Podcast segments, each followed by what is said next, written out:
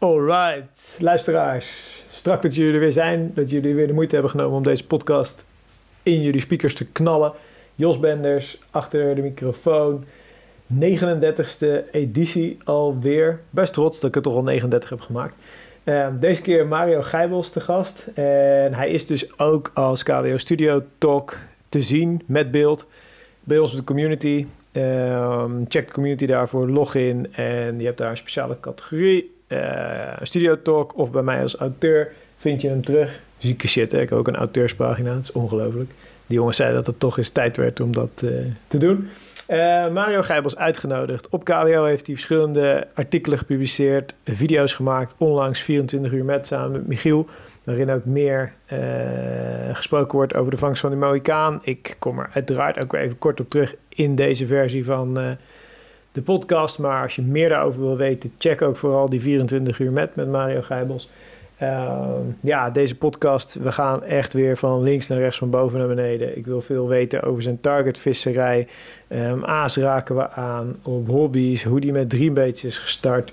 Hè, wat uh, de Mohicaan qua impact heeft gehad op zijn vangsten, waar hij op jaagt op dat specifieke water. Um, haken, uh, vriendinnen die het uitmaakten, waardoor hij uiteindelijk weer wist dat die dreambaits moest beginnen. Um, ja, we gaan echt van links, rechts naar boven naar beneden. Dus uh, dat staat voor jullie klaar. Vanuit ons, jongens, het is nu net voor kerst. Dus uh, ja, kan er wel fijne feestdagen wensen. Maar jullie horen het waarschijnlijk toch veel later. Dus een beetje mosterd na de maaltijd.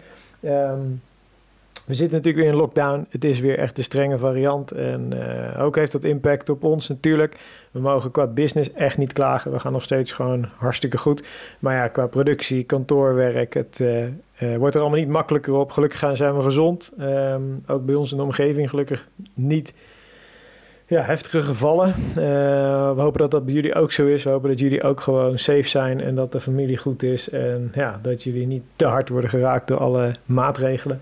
Um, we kijken uiteraard ook gewoon vooruit 2021. Um, Karp Den Bos gaat niet door, jammer. Het was natuurlijk het moment om iedereen weer te spreken, iedereen te zien. We hebben zelf in juni de KWO in Action Day staan. Er komt binnenkort veel meer info over. Ja, dat wordt, hopen we, het eerste outdoor evenement...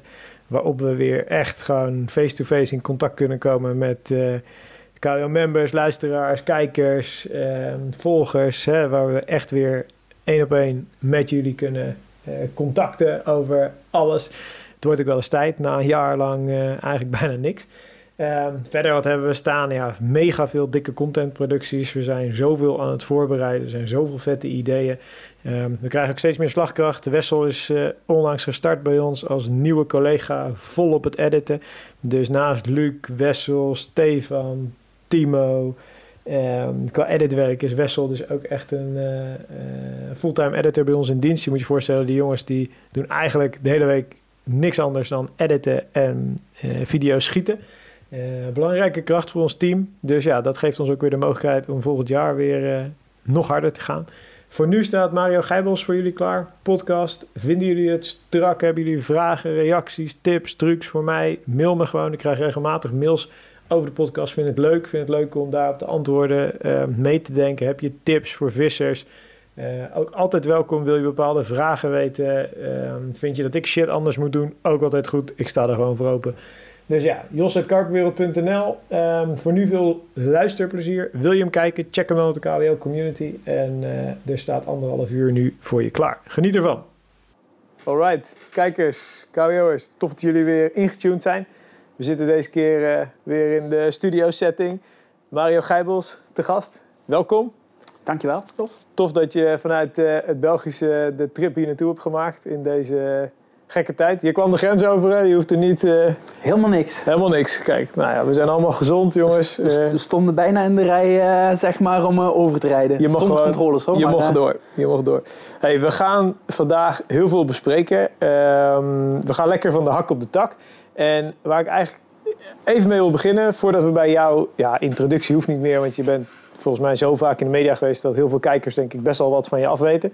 Um, we hadden het er net over, hè? jij vroeg aan, aan Robin... Robin, vang je zelf nog vis? En, en toen zei ik, Robin, je bent vorige week twee nachten geweest. Was het niet goed? Robin, ons cameraman, had dan hè, had één vis. Jij zegt niet geblenkt, klopt. En toen gaf je aan van het weekend, of afgelopen week was er een, eh, een dag dat je zei van ja, dan zou ik eigenlijk willen gaan, zeg maar. En daar wil ik eigenlijk meteen op inhaken. Vertel eens wat meer over hoe jij dus die dag bekeek en waarom je toen wou gaan vissen. Ja, dat is eigenlijk gewoon eh, simpel. Het was eh, sinds een aantal dagen Ja. hebben we een hele, een hele periode gehad met eh, heel weinig zonuren. Ja. En afgelopen woensdag was het eigenlijk een dag. Ik denk wel tien keer zoveel. Ik denk dat het zelf zes, zeven uur was. Gewoon echt volle zon. Gewoon Ja, dat intens. het echt Ja, ja. Dat, ik, ik werk altijd met een, eh, met een weerapp, zeg maar. En die zegt zoveel zonuren en luchtdruk en, en alles erop en eraan, zeg maar. Ja. En eh, daaraan zag ik van, eh, oh, dat is echt 6, 7 uur goed zon. En nog eens achteraf, ook nog eens een, een flinke luchtdrukdaling. En dat was eigenlijk een, een nacht die ik graag wou, wou vissen. vissen. En ik zag ook bij, bij David Wouters, die was die nacht wel gaan vissen. ja. En die had het twee keer voor het tien eh, geblankt. En die had die nacht toch eh, drie, drie aanbeten en twee vissen gevangen en eentje verspeeld. ja. Dus En, zie je toch en wel. die luchtdruk, hè? ehm, je zegt hij duikt. Eh, weet, je de, weet je de waardes nog? Duikt hij dan van een 1015 Dit- plus? Of? Nee, nee, nee, nee. Deze keer was het echt extreem. we, hebben, we hebben een hele tijd tussen, zelf tussen de 1025 en de 1035 gemiddeld gezeten, als ik me vergis. Ik moet zeggen, ik heb niet zo fanatiek gevist. Ik denk, alhoewel ik denk dat de afgelopen dagen iets minder ervoor luchtdruk was. Ja. Normaal, als ik zelf fanatiek het vissen ben, dan controleer ik dat ja, gewoon echt dagelijks. Ja. En dan kan ik zelf zien in een uurblokken wat het weer gaat doen, wanneer het daalt. eh, wat Welke, welke weer-app gebruik je daarvoor? Heb je... Ik kan hem dadelijk op mijn telefoon wel een keer laten zien. Ja, ja, ja. Kan ik, dat kan ik absoluut doen. Ik, ik gebruik de Eh, Weather... Weather Pro, denk ik. ja. Weather Pro inderdaad. Ja. ja. Ja. Volgens mij kost die een tientje. Ja, dacht ik de- of vijf, vijf euro, maar dat is een van de betere Ja. investeringen die je kan doen eh, Ja. in je visserij. Ja, Weather Pro jongens heet, eh, heet de app. Check hem eh, zowel denk ik voor Apple als voor Android. Volgens mij hebben ze voor allebei een eh, betaalde versie. Ehm, en, en dan, hè, ik ken van een van jouw artikelen dat je wel eens geschreven hebt van joh, boven de 1025 vind ik het eigenlijk extreem en voer ik bijvoorbeeld ook niet meer. Ehm, jij zegt hij duikt dan, maar hij duikt dan echt richting 1010 of zo, wat je interessant vindt. Of zelfs onder die 1000. Om, om een recent voorbeeld te geven. Ja. Eh, ik ging met, eh, met Michiel filmen voor eh, die KWO-film. En ik had het voorbereid. Ik had één keer tussendoor ge- gevist. Had ik één vis gevangen op de voerstek. En ik had bijna twee, twee, meer dan twee weken niet op die voerstek gevist. Mhm. En we moesten, of ja, we moesten gaan filmen. We gingen filmen. We hadden de dag Ja. gepland. En de dag is gepland. En de, ja, de planning is de planning. Dus je moet Ja, je, je gaat. Ja. je, je gaat en je moet het in die omstandigheden doen. En eh, ja, ik zag al eh, aankomen van... hmm, het was ook echt 1035. Konden dan wel... s smiddags ging die al langzaam zakken. We hadden al een nachtje gedaan. We hadden totaal geen actie gezien. En ja, we vangen aan het einde van de sessie nog een, een gras. En ik kijk naar de app en ik zie van eh, in de avond van... Ik denk, jezus, die gaat vallen. Dus eh, ik niet beter... eh, het was niet, de, was niet mijn planning om terug te gaan. Maar ik zei tegen mijn vrouwtje van... ik moet echt gaan, want ik heb twee weken gevoerd. Ja. En ik ben er zeker van, Nu gaat hij. Ja. nu gaat het gebeuren. En ik heb eigenlijk toen, die nacht, eigenlijk een ongewoon resultaat gehad voor daar. Want ik had vier normale karpers op die nacht Ja. Eh, gehaakt. Waarvan drie gevangen en eentje, eentje los helaas. Maar dat is eigenlijk... eh, is dat ja, echt gigantisch goed. Ja, voor daar is dat sowieso een Ja. eh, extreem Voor resultaat. normale karpers Ja. te kunnen vangen Ja. is dat echt, echt En dan gaat die luchtdruk dus van plus 1035. Wa- Wat, wat voor dip heb je dan? Waar, dan heb je soms echt een dip. Dan soms spreek je dan over eh 20, eh, dus ik zeg niet van 1005 1035 ja. naar ja, 1010, 1005. Ja, maar dat is altijd echt- natuurlijk echt een, anders, eh, maar dat is echt heel, eh, Ja, echt een heel fel. Ja. Maar zelf 10, 15 kan al een, al een groot eh, verschil zijn. Hè? Ja, Ik bedoel, van eh 1025 naar 1010 is ook al niet verkeerd. aanzienlijk. Maar van 1035 of 1040 naar een 1020, 1015, ja, dat is meestal. Dat zijn wel, interessante momenten. Ik, ik wil er later nog wat over vragen hoor, maar dat was gewoon een side pad. Wat me, hè, omdat jullie er net over spraken terwijl de camera's nog niet aanstonden.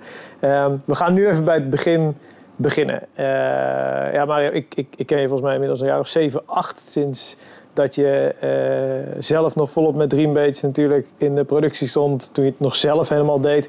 Eh, inmiddels gigantisch team om je heen, compagnon erbij. Ehm, kan je ons eens meenemen, hoe, hoe, hoe ziet je leven er nu uit? Waar, waar kwam je vandaan? Waar, hoe is het boilies maken? Hoe is het vissen ooit bij je begonnen? Kan je ons eens op die route mee, eh, meepakken? Het vissen is een, is een twee kanten eigenlijk eh, gebeurd. Ja. Eh, vooral aan de grootvader van, eh, of ja, aan de vader van mijn moeder. Dat is mijn grootvader.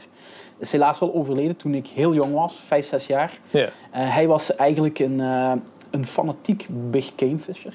Dus hij ja, viste ja. in, in Kenia heel veel. Oké. En hij, had zelf, eh, hij was zelf op, dus nu al lang eh per se, maar hij heeft zelf het wereldrecord zwartvissen gehad. Vroeger. Zo. Ja. Eh, dus eh, hij, ging, maar hij ging meestal eigenlijk echt op blauwe merlijn vissen. Maar daar waren er natuurlijk ook zwaardvissen eh, gevangen. Ja. En hij viste ook met een, ja, wij noemen dat een handlijn. Ik weet niet, een vaste hengel ja. heet dat hier denk ik. En zo ben ik eigenlijk begonnen. En op zich heb ik wel een klein beetje ADHD. Ik ben een redelijk druk persoon meestal. En eh, ja, mijn moeder die had eh, gedacht van, oh ja, dat gaat helemaal niks worden. Hij Ja. met een handlijntje daar eh, staan te kijken op, op het dobbertje. En dat gaat hem volgens mij niet worden. Maar je eh, vond het prachtig. ik, vond, ik vond het prachtig. En Ja. alles wat onder dat water, daar was ik echt door geïntrigeerd. En ik dacht van, ja. En zo ben ik dan een beetje verder gegaan. Ja, mijn ouders die zijn gescheiden toen ik acht jaar was. Maar mijn vader was ook een karpervisser. Ah, ook echt al Ja, ja, nee, nieuwe van- stijl. Eh, maar, maar mijn vader is een, is een type eh, visser. Die wil alleen, maakt niet uit als het met... Nu vist hij nog enkel met de handstok. Maar hij heeft jaren op karper gevist. En enkel op het Kemperskanaal. Dus That's it. enkel op het Kemperskanaal. Dus eh, mijn ouders waren gescheiden. Dus om de twee weekenden ging ik eigenlijk, in de plaats van als ik naar mijn vader ging, gingen wij eigenlijk samen aan het Kemperskanaal doorbrengen. Zo. Maar En toen, was ik, toen, was ik, toen was ik acht jaar en toen ik zeven, acht jaar was, had ik mijn eerste vissen al gevangen op het Kemperskanaal.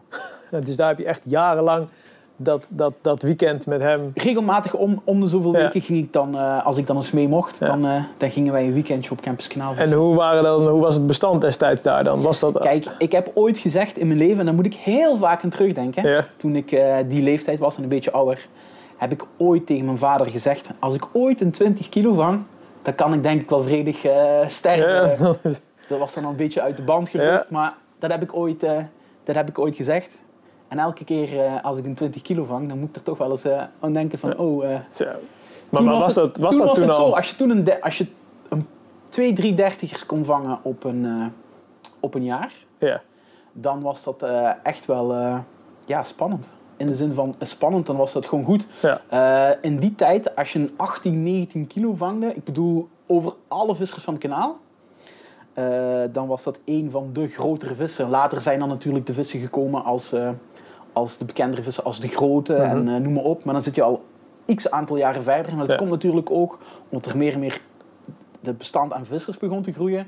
Gevoerd. natuurlijk ook gevoerd. En op de afgesloten stukken werden de vissen iets groter. Ja. Ik heb zelf wel heel veel op het stuk eh 0 en 1 eh, gezeten. Dus eigenlijk het stuk van Bocholt en Herentals. En dan vooral eigenlijk tussen, de, tussen Neerpelt en Lommel. Die, die, die omgeving, Ja. zeg maar, daar ben ik meestal... was wat korter bij huis, want ik woonde in Overpelt eh, fabriek. Dat was dan eigenlijk wat korter eh, bij. En daar visten wij eigenlijk vooral... Want dit is krachtig. 25 jaar geleden denk ik dan toch?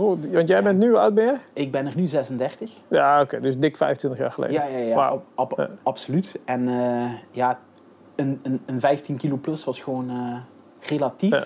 Op kanaal viel dat nog mee, maar dat, was, dat was een, het is geen zeldzaamheid, maar dat kwam niet zo vaak voor. En daar is dat vuur voor het karpenvissen dus eigenlijk al heel vroeg bij jou. Was het er al, vanuit je vader? Eh, ja, dat is eigenlijk nooit, nooit, nooit gestopt. Want eh, als mijn vader niet ging, dan ging ik op, eh, op vijvertjes, op putjes rondom. Om het zelf in mijn eentje zeg maar, Ja. te proberen. Ik had natuurlijk wel het geluk. Mijn vader die maakte al zijn eigen bodies. Dus ik kon al wel veel meer voeren als, ja. als iemand anders. Dat En die draaide met de hand gewoon destijds? Of had hij al een Nee, machientje? Nee, we hadden een, van een wasmachine. Dus een vliegwiel, zeg maar. Daar hadden ze een worstenmolentje met een grote eh, dingen aangemaakt. En dan konden wij per uur, destijds wel met drie, vier jongens, konden wij 40 kilo bolies maken. Dat was wel met de hand, maar wel een morstmachine. En dan hadden wij, eh, een hele grote eh, gasbekken. En dat was meestal mijn werk, de bollies afscheppen. Met, als ze boven kwamen, dan mocht ik die doen. Want ze hadden natuurlijk bang dat ik met mijn klauwen Ja, dat eh, erin zou komen. kwam. Maar, ja, ja. Maar dat was meestal eh, mijn werkje. Zo. Dat werd dan meestal in het eerste begin hadden we nog geen kratjes, werd het vaak op, eh, op, eh, of op handdoeken gelegd. Later was dat zo van die kippengaas. ja, om uit te En lekken. zo is dat en, natuurlijk eh, wel zo. geëvalueerd. Maar, Maar, dat- maar in maar dan die, spreken we bijna 30 jaar terug. Hè. nou, toen was je er al mee bezig. Toen zat het al. Toen, ja, toen, toen zaten we al, Zo. toen zat ik al tussen de mailen Ja, beperkt. Maar die weekends, als, als ik dan meeging, dan was het ook ja, een hele dag draaien. Ja, mijn vader die was alleen met mij, omdat hij ja, gescheiden Ja. die had geen andere vrouw. Dus ja, ging ik die hele dag mee. eh, die was je gewoon aan het werk. Wauw. Ja, Hey, en en hè, die, die visserij, zeg je al, die is dus eigenlijk niet gestopt. Ehm, hoe ben je op een gegeven moment op het punt gekomen dat je dan dacht van, nou ja, ik moet, ik, ik, ik moet die switch maken naar echt een eigen bedrijf. Ik moet beginnen met een, met een dreambase. Waar, waar is dat gebeurd? Dat is eigenlijk... Ik, ik ben dan, eh, dat weten misschien ook niet heel veel mensen, ik ben afgestudeerd als ontwerper. Ja. Dus eigenlijk stijl en design. Eh, en eh, daar, daarnaast heb ik natuurlijk ook wel eh, een hoop meegekregen over schijnwerkerij, binnen, buiten, keukens maken, al, al die dingen. Daar ben ik in afgestudeerd. En ik had geen, geen geld, maar ook geen rijbewijs. Toen ik Ja. dus eh 18, 18 jaar was. nou, ik, ben, ik moet wel zeggen, ik heb vroeger één jaar over mogen slaan in, in school. Dus ik was eigenlijk op mijn, mijn zeventiende, zeg maar, 17, 9 maanden, was ik eigenlijk al klaar eh, met, eh, met mijn opleiding Ja. op school. En toen heb ik nog, eh, dan kan je belastingvrij nog wat vakantiewerk doen. En toen ben ik gaan solliciteren. En ja, na twee uur had ik een job gevonden. Maar omdat ik geen geld had en geen rijbewijs, moest ik echt kortbij. Ik had een jobaanbieding gehad ergens in, in Zoetendaal. op een soort architectenbureau of ergens iets. Maar ik kon er gewoon niet geraken. Ook met busvergunning, Ja. dat was gewoon heel Je lastig. kwam er niet. Ja. En toen ben ik gewoon ergens eh, op eh Alro, op een, eh, op een groot bedrijf, werkten duizend mensen, eh, begonnen. Had ik na een maandje of twee een, een vast contract. Dat was eigenlijk vrij vlug. Ja. En eh, heb ik heel snel een zelfstandige functie daar gehad. En eh, daar heb ik vijf jaar eh, kunnen werken. Gingen ze op een gegeven moment afbouwen en wouden ze dat ik eh, zeg maar naar Slovakije... Ik kreeg de kans eigenlijk om naar Slowakije te gaan. Ja. voor hun eh, dat op zelfstandige basis. Niet zelfstandige basis, wel een loondienst, maar ik mocht daar eigenlijk mijn, mijn ding doen. En eh, ja, dat zag ik niet echt zitten. Ik ben relatief gehecht, moet ik zeggen, aan, eh, aan mijn... Ik heb natuurlijk ook nog eh, een broer. Ja. Een heel jonge broer. Nu is die... ik denk dat hij nu 22 wordt. Ah, oké. Dus Ja, ja. nog echt een jong broertje. Ja. En hij heeft zelf geen vader. Dus hij heeft mij altijd gezien zeg maar, als een, als een vaderfiguur. En eh, toen was hij nog een stuk jonger. En daar had ik het ook moeilijk mee van eh, alles. Maar ook mijn vrienden, Ja. alles erom. Eh, ik was eigenlijk gewoon gelukkig in, Ja. in België. En ik zag eigenlijk weinig reden om dat achter me te laten. Om te vertrekken. Nee. Ja. ja, dat snap ik. En, en, en is dan vanuit, vanuit die job, hè, dat heb je dan vijf jaar gedaan, je kiest er dan voor om niet te emigreren. Ehm, was dat het moment dan dat je, dat je die stap maakte? Nee, ik, ik werd... eh, op een gegeven moment was ik een beetje ongelukkig geworden op het bedrijf. En in het begin hebben we daar een, aantal eh, aanpassingen aan kunnen doen. Ja. Eh, omdat ze hadden meerdere bedrijven. En ik ging dan zeg maar zorgen dat de producties beter, efficiënter gingen werken. Ik moest er echt andere, van alle soorten dingen doen. En dan had ik gevraagd, maar op een gegeven moment had ik niet meer veel werk en begon ik me te vervelen. Ja. En dan vroeg ik van, kan ik niet naar een ander bedrijf gaan? Want dan had ik zeg maar weer een, nieuwe soort uitdaging. En dan vloog ik daar weer even in. Ja. En dan een jaar, eh, een jaar, anderhalf had ik daar ook weer zeg maar een beetje... Je eh, pakte je projecten binnen. mijn projecten en dan ging ik weer ergens anders. En eh daar ben ik eigenlijk flink, eh, want we werkten ook voor buiten, of er waren, ik moest ook naar buitenfirma's gaan. Eh, eentje, dat heette Van Streels, dat is toevallig ook de vader van eh, Roy van Streels. Die zegt de ja. filmen eh, voor, eh voor Corde en Google en eh, zo maakt. Dat is ook een hele goede jeugdvriend trouwens. En eh, daar moest ik dan die mensen eh, werk eh, geven.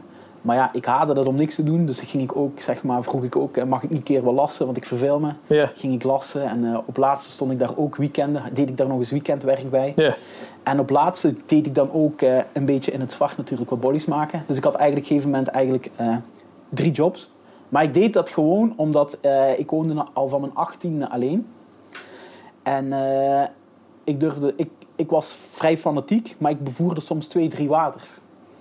En er kruipt in het goede moment van het jaar kruipt er ook wel wat azen. Ja. Dus uh, Je had het ik heb gewoon echt, nodig. Ik, heb, ik, ik durf het gerust zeggen, ik heb vroeger echt toen ik zelf nog aas zelf kocht, Ja. zelf toen ik bij mijn ouders, er ging soms bijna een maand om, Naar Aas. durfde ik eh, naar, naar ja, aas, vismateriaal, al die dingen. Ja. Dat, eh, dat is bijna mijn hele leven altijd mijn grootste kosten eh, geweest. Ja, dat geloof ik, dat geloof ik. En, en, en vanuit daar heb je dus op een gegeven moment gezegd van ja, oké, nu is dat aas produceren zo serieus. Nee, nee, helemaal niet eigenlijk. Nog niet? Nee, het was eigenlijk zo. Ik begon me terug meer en meer zeg maar, te vervelen. En ik begon ook een beetje ongelukkig te worden. Is een, is een, is een groot woord, maar ja, ik verveel me niet. Zoals ik al zei, ik wil altijd bezig zijn. Ja. En dat was niet, al, niet altijd eh, het geval. Sommige mensen vinden het natuurlijk prachtig eh, als ze niet te veel moeten doen. Ja. Eh, maar dat is niet voor mij weggelegd. Daar, dat is niet Je mijn gaat er goed op omgaan. Ja, dat is gewoon een aard, het aard van een beestje, zeg maar. Ja. Nu wordt, misschien is dat al ietsjes minder. Je wordt natuurlijk ook al wat ouder. We gaan langzaam naar de 40. Maar toen was het... En eigenlijk is dat, is het heel raar gelopen. Dat ik zeg maar voor eh, het echt begon te denken van ik wil iets anders. En eigenlijk is dat gegaan. Ik ben naar het eh, kanaal gaan vissen Briede Neerharen. Mhm.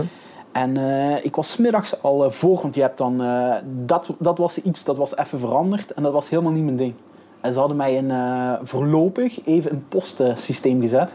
Ja. Moet je dus van twee uur tot tien uur s s'avonds werken. Ja. En dan zag ik, zeg maar, s'morgens zag ik dan, eh, of smiddags vond ik dan wat vissen. En dan moest ik gaan werken. En soms was het na drie uur Ja. dat ik gewoon niet meer, echt me niet meer kon houden. En dat ik zei, ja, dit, dit, ik Ja. moet gewoon verlof. ja. Ik- Ik ga vissen. Ik heb die vissen, ik heb die, ik heb die vissen gezien. Ik wil, ik wil super graag eh, vissen, want het is echt een, een gouden moment. Ja, ja. En dan zat ik er zo. En dan, als ik dan geen verlof neem, van 2 tot 10, ja. dat was echt langer dan een eeuwigheid voor mij. Dat, dat was echt Maar begreep, jou, begreep jouw leidinggevende dat dan? Of Nee, ja, die, hebben, die hadden daar niet echt een... eh, had geen keus?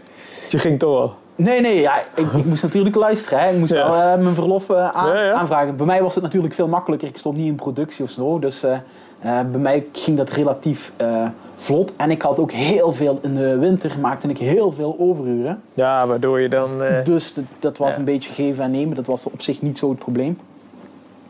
Maar op een dag had ik dan echt een paar hele goede vissen gezien op Ritonera. En ik denk, ja, moet ik echt, moet ik echt gaan vangen. Een verlof genomen, teruggekomen. En er zaten twee mensen op, op die stek. Ze hadden uitgepakt. Ja. Ik denk, ja. Op een andere stek gaan vissen. Een vrij kansloze stek. Kansloos is niet, maar ik wist gewoon, het, het was rond de paaitijd. En een heel groot deel van het bestand, die was daar gewoon. Maar daar kon ik niet vissen. ja. Dus ja, dat komt. En eigenlijk, het klinkt misschien heel gek. Daarom ga je dadelijk, je gaat dadelijk ook een paar dingen begrijpen waarom iets is voorgekomen. En eh, die nacht was ik toch een beetje van, ja, shit. Hè? Mhm. ik had op zich wel graag gevist, maar ook, ook in de job zelf, het, verveelde me een beetje. En eh, toen dacht ik van, ja, ik, ik wil wel iets graag doen, maar gewoon met die gedachte gaan slapen, niet heel, heel ver. En die nacht, eh, ik ben eigenlijk in mijn heel leven, tot, tot eh, de sterfte van mijn grootmoeder, ik ben gigantisch altijd als, als kind heel close geweest met, met mijn grootmoeder. Ja. En ik heb twee keer in mijn leven zeg maar, een droom gehad. Dat mijn grootmoeder in een droom kwam. Dat ik dus echt wakker word. En dat ik details kon eh, vertellen en, en dingen. En de allereerste keer was eh Groen Bokken, ook een karpervisser. Die zit zelf ook in het eh, Dreambaits eh, team. Ja. Eh, ik had een vriendin, hij had ook een vriendin en eh, we waren aan het vissen. En ja, ik ging, ik ging slapen en ik word 's morgens wakker. En eh, normaal gezien gingen we twee of drie dagen later eh, samen naar mijn vader fietsen. Dat is 50 kilometer van waar ik op dat moment woonde. Ja. Eh, en ik werd wakker en ik zei tegen Roel, Roel, ik heb vandaag, vannacht iets gedroomd. En eh, ja, mijn toenmalige vriendin eh, was Wendy. Ik zei, niet dat er iets aan de hand was. Ik zeg, die gaat het gedaan maken. En die heeft aan jouw vriendin gevraagd om het samen uit te maken. We waren natuurlijk al een heel stuk jonger. Ja, ja. En hij lachte me gewoon uit. Je bent helemaal gestoord, zegt Roel. Want Ja. hij, dat is niet zo. Ja. Dat gaat allemaal prima. We gaan, we gaan morgen of overmorgen nog naar je vader fietsen. Ja. En ja, dat is geen vuiltje aan lucht. Ik zeg, ja, Roel, ik zeg, ik zeg maar gewoon wat ik heb gedroomd. ja. Een paar uur laatjes, later gaat de telefoon. En dat was Wendy. En die belde en die zei, ja, ik moet je wat vertellen. Uit het niks. Ja, ja. En ik zei al tegen haar van, eh, ja, je hoeft niks te vertellen, want ik, ik weet het al. En die zegt, ja, je kan toch niet weten wat ik vertel? Ik zeg, je gaat het nu gedaan maken. ja. En het meisje was in, in shock. Dus die zei, eh, Want er hing niks in de lucht. Dat was... helemaal, helemaal niks in de lucht. Ja. En ik had dat in gedroomd en mijn grootmoeder had gezegd tegen mij van, eh, maak je niet ongerust, eh, trek het je niet aan. Hè, Het dat- komt wel goed. Het komt wel goed. Je komt, als je later de, la- de ware tegenkomt, dan weet je het wel. Dus, Ja. maak, dus maak je niet zo, zo druk erin. En, eh, en ze had me heel veel details gegeven. En ik vertelde dat tegen Roel. En Roel wilde mij in het eerste moment totaal niet geloven. Die denkt, ja, je bent me echt... Ja, ja, dat, eh, ja, ja. voor de gekke dat nemen, ja. Maar het was dus wel toch zo. Twee dagen later zijn we samen met de fiets eh, gaan, gaan fietsen naar mijn vader. Maar hij met zijn, met hij met zijn vriendin Ja, en ik alleen. ja, ja. ja. En op de terugweg waren we aan het, eh, aan het fietsen.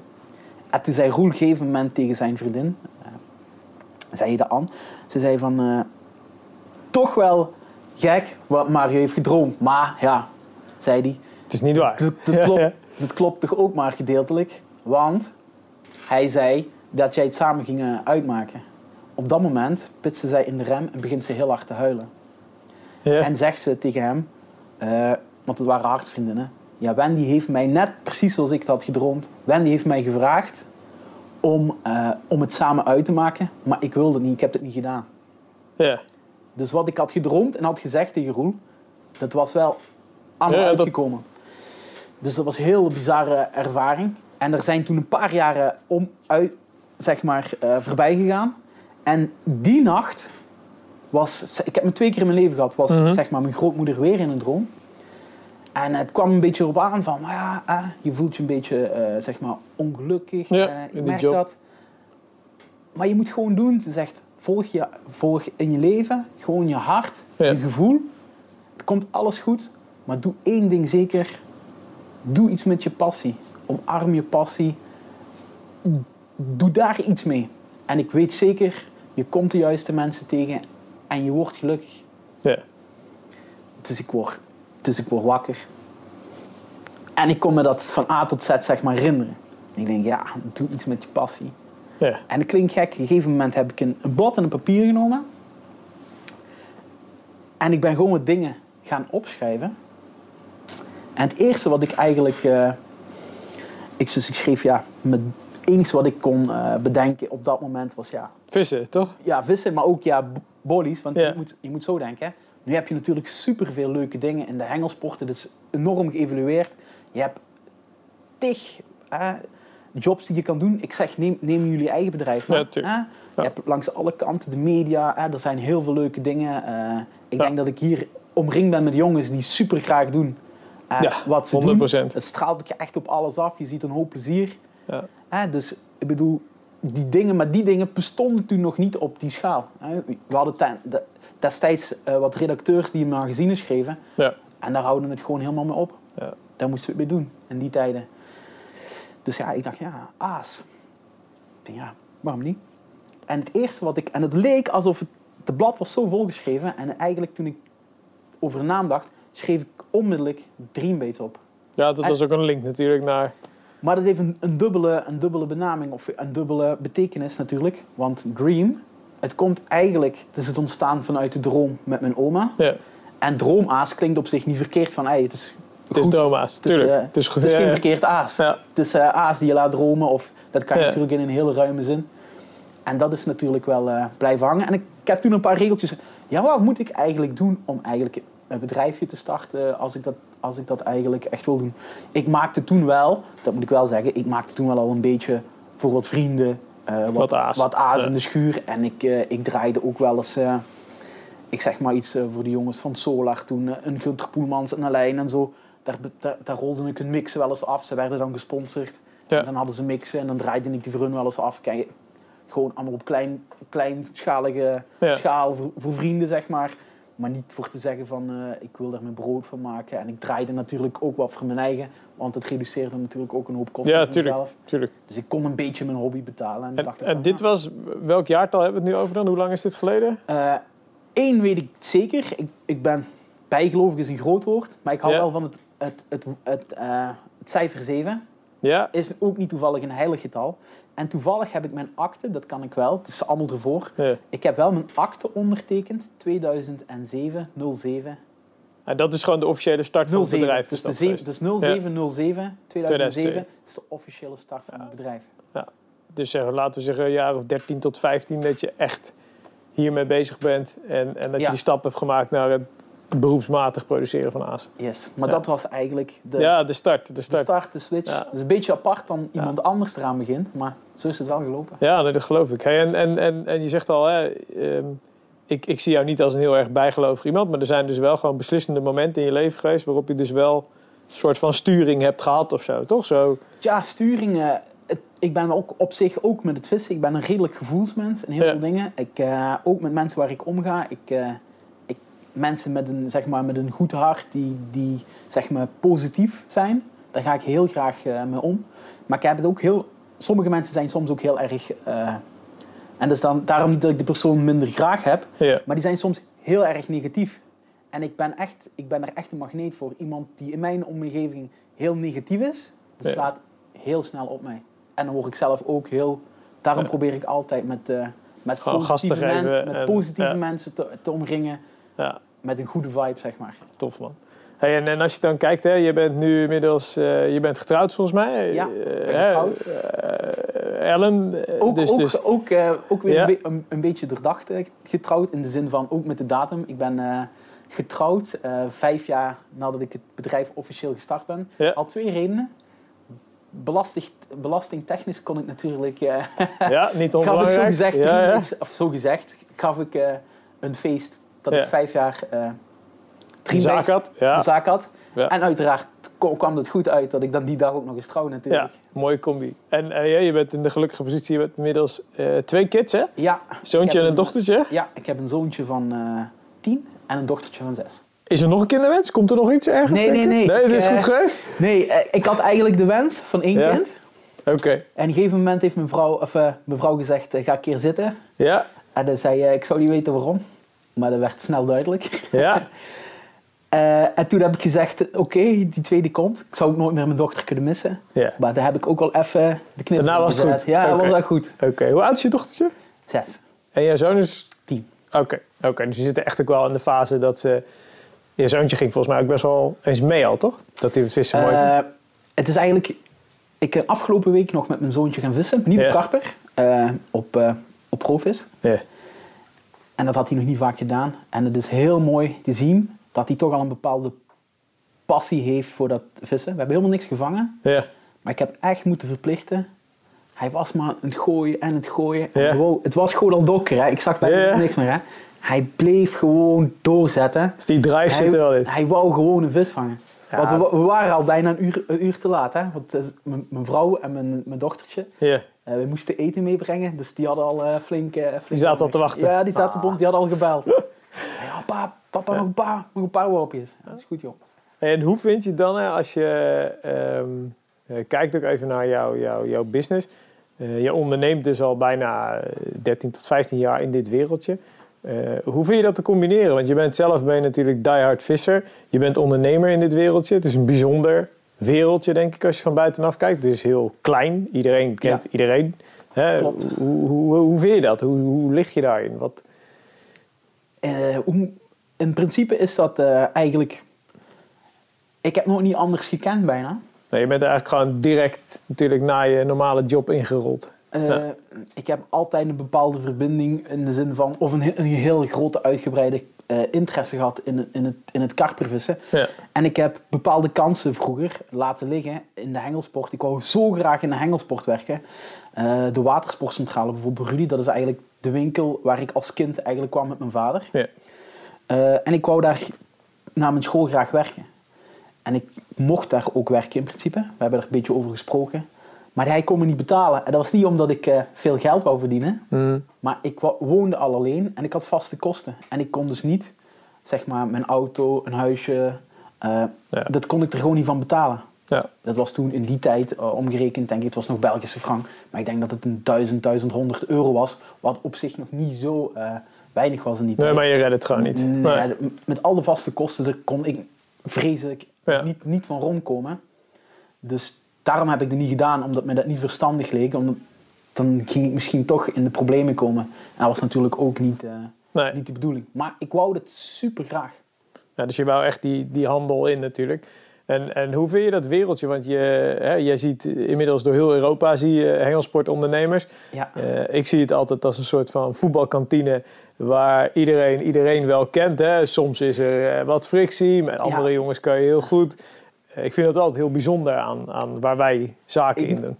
Ik moet zeggen, het is misschien een klein beetje... Alhoewel dat dat hier ook, denk ik, gaat eh, uitgroeien. Meer naar Duitsland, naar Engeland en die dingen toe, denk ik. Die, die weg slaan jullie, denk ik, wel Ja, een beetje in. zijn we zeker. Ja. Eh, en natuurlijk, jullie vissen vaak in andere landen. Maar dat is natuurlijk iets anders als je gaat ergens vissen of je gaat echt de winkels bezoeken, de beurzen doen daar. Dat is natuurlijk heel, heel, een heel andere gegeven als ergens gaan vissen. Ik doe natuurlijk beide. Ik, bezoek de, ik sta op de beurzen ik, en dat is eigenlijk in heel Europa. Ja. De laatste twee jaar ben ik heel veel zeg maar, in het Oostblok, landen zoals eh, Tsjechië, Polen. ja, want die zijn echt upcoming qua karpenvisserij, Ja. toch? Dat, mensen kunnen dat niet, niet begrijpen eh, hoe groot dat, dat eigenlijk Ja. al is. Eigenlijk Ja. is het gro- groter op een andere manier als hier. ja. In de zin van, wij zijn natuurlijk eh, als België en Nederland, wij zijn niet zo'n grote landen. Want ik denk België en Nederland pas zo vijf, zes keer misschien in Polen, in, in grootte. Maar als ik, als ik bijvoorbeeld alleen nog maar vergelijk een beurs in Tsjechië, dat is een gelijk, België en Tsjechië is van- qua grootte ongeveer even groot. Mhm. Op de laatste beurs die ik in Tsjechië heb gedaan, en toen speelde corona ook al een klein beetje, Ja. was 47.000 mensen. Bezoekers, hè? Ja, ja ik heb die- 60, van misschien 60% karpervissers zijn, ja. maar dat zijn er nog heel veel. Heel serieus, hè? ik heb die aantallen ook wel eens van de show in Praag inderdaad ook, ook Ja. gehoord. Voor fishing. Ja, dat dat gigantisch Eh, is, hè? En in Polen is het nog groter. Ja, ja bijzonder, man. Dat, eh, Wauw. Hey, ehm, we gaan de switch maken echt naar je visserij. Want, want hey, ik wil daar... Ja, er zijn nog zoveel vragen over. Misschien dat we later nog even terug kunnen... eh, richting, richting een stukje family dreambaits. Maar je visserij is ook echt iets wat ik... ja, waar ik de diepte in wil. Eh, wat misschien tof is voor KWO, kijkers... Op KWO heeft Mario eigenlijk al verschillende artikelen geschreven, ook video's gemaakt. En als je die checkt eh, via de zoekmachine Mario Gijbels, dan heb je eigenlijk vier, vijf artikelen, een Q&A, een video waarin hij ook heel erg veel vertelt. Dus als ik sommige dingen niet aanstip, kan het zijn dat dat daarin eh, behandeld wordt. Ehm, ik zie jou heel erg, Mario, als een target visser. Klopt dat? Dat klopt. Dat is het wel echt, hè? Is dat het geworden of is dat het eigenlijk altijd al geweest? Mm, ik denk dat het dat wel geworden is. Ja? In principe ben ik eh, voor een stukje grootgebracht eh, langs de kanalen met mijn, Ja. eh, met mijn vader.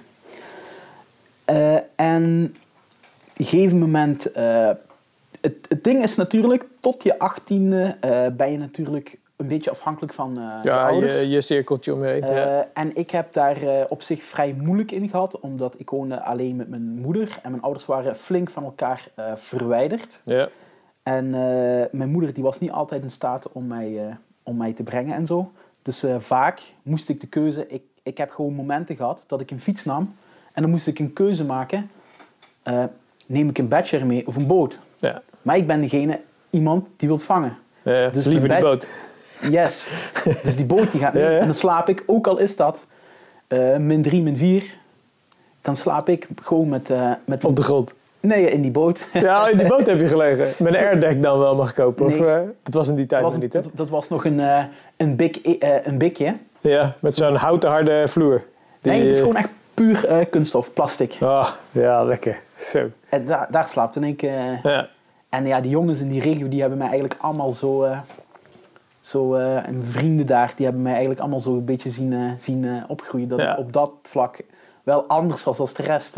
Maar wel altijd dus specifieke vissen al waar je achterna zat. In die periode ook al. Ja, dat is, dat is eigenlijk een, een beetje gegroeid. Ik had dan een Ja. paar unieke vissen, zeg maar. Niet heel ver uit, mijn, van mijn woonplaats. En die wou je gewoon graag vangen. Maar toen was het targetvissen nog niet zo heel erg ingeburgerd. Ook niet in de Mhm. visserij eh, had ik het gevoel. Dat werd wel al gedaan. Ja. Eh, ik zeg maar iets, eh, mensen zoals een Alain en toen in die tijd zeer bekend persoon. Nu hoor je daar niet meer zo heel veel van. Bijvoorbeeld een John van Eck. Ja, ja, van Die, ja. Die waren toen echt al op dat type water zeg maar het vissen. Of een Mark Pansaar. Of, Ja.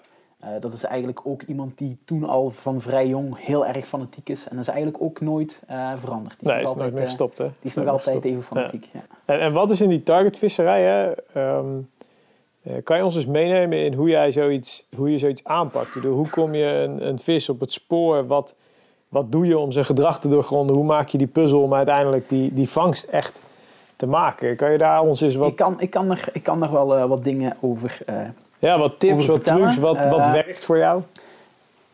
Een reden waar ik meestal op een water ga, dat, dat, is, dat is ook vaak echt de vis zelf. Ja. Of meerdere vissen. Ik moet echt getriggerd worden door een, door een bepaalde vis. Van een schoonheid, een grootte. Eh, gewicht is niet altijd eh, van belang. Ik ga soms ook echt op targets die, die doorsnee, eh, zeg maar tussen de 15 en de 20 kilo. Dat, daar kan ik dus ook een, een target Ja, ja. van maken. Dat is voor mij ook echt geen punt. Als ik echt iets heb van die vis is dat waar en ik wil echt graag die vis vangen Dan ga je. dan, dan ga ik ervoor. Ja. En ik vind ook het mooi om, om een grote eh, diversiteit aan waters te bevissen. Omdat ik, ik hou niet zo eh, ervan om altijd maar op hetzelfde water hetzelfde ding te doen en herhalen, herhalen. Ja. Dat vind ik. Want zelf afgelopen jaar, zoals nu, en mijn visserij, ik wil dan nog heel graag die jumper vangen. Maar het zit me eigenlijk een beetje, een beetje tegen van, in de zin van, ik ben heel vaak in het herhalen, heel vaak Ja. op hetzelfde water. En dat vind ik niet zo heel prettig. Want, want jumper is de grote schub die op het water van de Mohikaan zwemt, Eh, toch? Ja, klopt. Ja, en dat is dus een van die, hè, als de met podcast met, met Alain heb ik dat besproken, een van de zes, zeven vissen van het oude bestand, denk ik. Eh, ja, klopt. En, en je hebt al een schub uit het oude bestand gevangen, toch? Die heb ik onlangs voorbij zien komen, Ja, 25 ik heb, plus. Er, ik, heb er, ik heb er een... Ja, klopt. en en die maar ik- ik- onbekende, toch? Eh, die was niet onbekend, Maar, maar die was acht jaar niet gevangen. Ah ja, oké, dus de hele tijd er niet uitgekomen. Ik had hem dit jaar eh, eh, twee keer gevangen en één keer verspeeld. Ah, Wauw. Ja, we komen er zo op terug, want je hebt de Mohikaan dus inmiddels ook twee keer gevangen, hè? Yes. Ja, bizar. Kom, ga ik je zo nog wat over vragen. Maar die, die schub, die jumper, ehm, eh, wat verwacht je? Gaat hij de 30 kilo ook over? Oh, hij gaat lang de 30 kilo Ja? over, hè. Hij gaat, de laatste keer werd hij door een van mijn allerbeste maten gevangen. Ja. Op eh 34 plus. Maar dat was nog vrij vroeg in het jaar. En, Dat was eh, net de e- eh, 5 of 6 eh, september. ja, 5 september was dat, als ik me niet vergis. ja. En toen was hij 34 en een, en een beetje. Dus recent 5 september. Nee, vorig, jaar- eh, Vorig- het jaar daarvoor. 18 zelfs. Nee, 2019. 19, Ja. oké. Wauw, en sinds dat moment is hij er ook niet meer Nee, uitgekomen? hij is nu eh, een jaar en eh, twee of drie maanden niet eruit gekomen. Maar hij is de laatste eh, tien jaar maar vier keer gevangen. Hè? Dus vergis je niet. Ja. Maar hoe zit die vis nu nog in je hoofd? Die, die, Ja, die, is er? Die, ja? wil ik, die wil ik absoluut vangen. Ja. Dus als je dan die graag wilt vangen, dan moet je ook gewoon doorzetten. En wat doet die vis met je? Dat die, is wat, waarom pakt hij je? Eh, omdat één, het is echt... Ik hou sowieso eh, van vissen. Daar kies ik echt heel graag voor. Ik kies meestal voor drie dingen in mijn targetvissen. Eén, het is niet altijd de vis. Soms is het ook een beetje de uitdaging. Ja. Ik vind het gewoon fantastisch om allemaal puzzelstukjes eh, te leggen, zeg maar. En als die dan samenvallen en je kan resultaat boeken, dan is dat natuurlijk... eh, de weg naartoe is soms ook heel erg, Ja, moet je Heel- ook van genieten. heel Zeker. erg mooi. En daar kan ik ook echt super eh, van genieten. Ja. Maar bij die jumper is het het geval van, kijk, hij is maar vier keer in de laatste tien jaar gevangen. Dat is Ja. al een, een heel mooi gegeven. Het tweede gegeven, niet, zeker niet het belangrijkste gegeven. Het is ook momenteel de grootste schub waarschijnlijk in heel België. Ja. Dus dat is ook wel eh, een mooi gegeven natuurlijk. Maar hij is ook gewoon echt super mooie vis. Plus, ik heb hem ook al een paar keer zien zwemmen. Hij is, oké. Ja, ja. En eh, het grappige is, eh mooie kaan trouwens ook. eh, en ik heb een raar gevoel bij die vis. Als ik de mooie kaan zag, ja. dat is echt een, een, een, een vrij schuwe vis bij het zien. Eigenlijk is dat raar in vangst te verklaren. Die gaat heel snel weg. Maar hij is zo'n beetje het arrogante. Ja, ja, ja. Als ik met de boot aankom, Blijft die andere vissen gaan weg, maar hij wil echt even kijken. Oké, wat, komt, wat, komt, wat komt die gek hier eh, nu, nu doen? Dus die, komt, die gaat nog even naar boven zwemmen en dan laat hij zijn dikke, vette kop Ja, ja. zien en dan denk je van, oh, shit. Maar het is, het is ook gewoon, ik ben, ik ben er nooit geweest met het helder water. Je ziet, je ziet die vis, je herkent hem direct. Ja, ja, ja, ja, dat kan niet missen. Dat, dat is, nee, zo'n kolos is En ik natuurlijk... moet, ik moet zeggen, ik heb hem. Ik denk dat hij echt nog. eh, nog echt iets, iets groter is geworden. Nog iets, ik, ik verwacht echt dat hij dat die gaat verbazen. Want ik vond, natuurlijk, het is een schubkarper en de mooie kaan is een, een spiegelkarper. Eh, en die is iets lichter, dus dat, dat, toont, dat toont. Maar ik had het gevoel, de spiegel, omdat die wat lichter is, toont het misschien soms iets minder het water. Ik vond er niet meer heel veel verschil eh, in zitten met de mooie kaan op dat moment. Want die schouders... Moet ik daar- wel zeggen, op dat moment was de mooie kaan rond de 7, 38 kilo. Oké, ja, toen, je, toen, je, toen je die zag zwemmen. Toen ik ze Ja. zag zwemmen. Ja. Eh, maar ik zag er niet zo heel veel verschil meer in eh, tussen die twee vissen.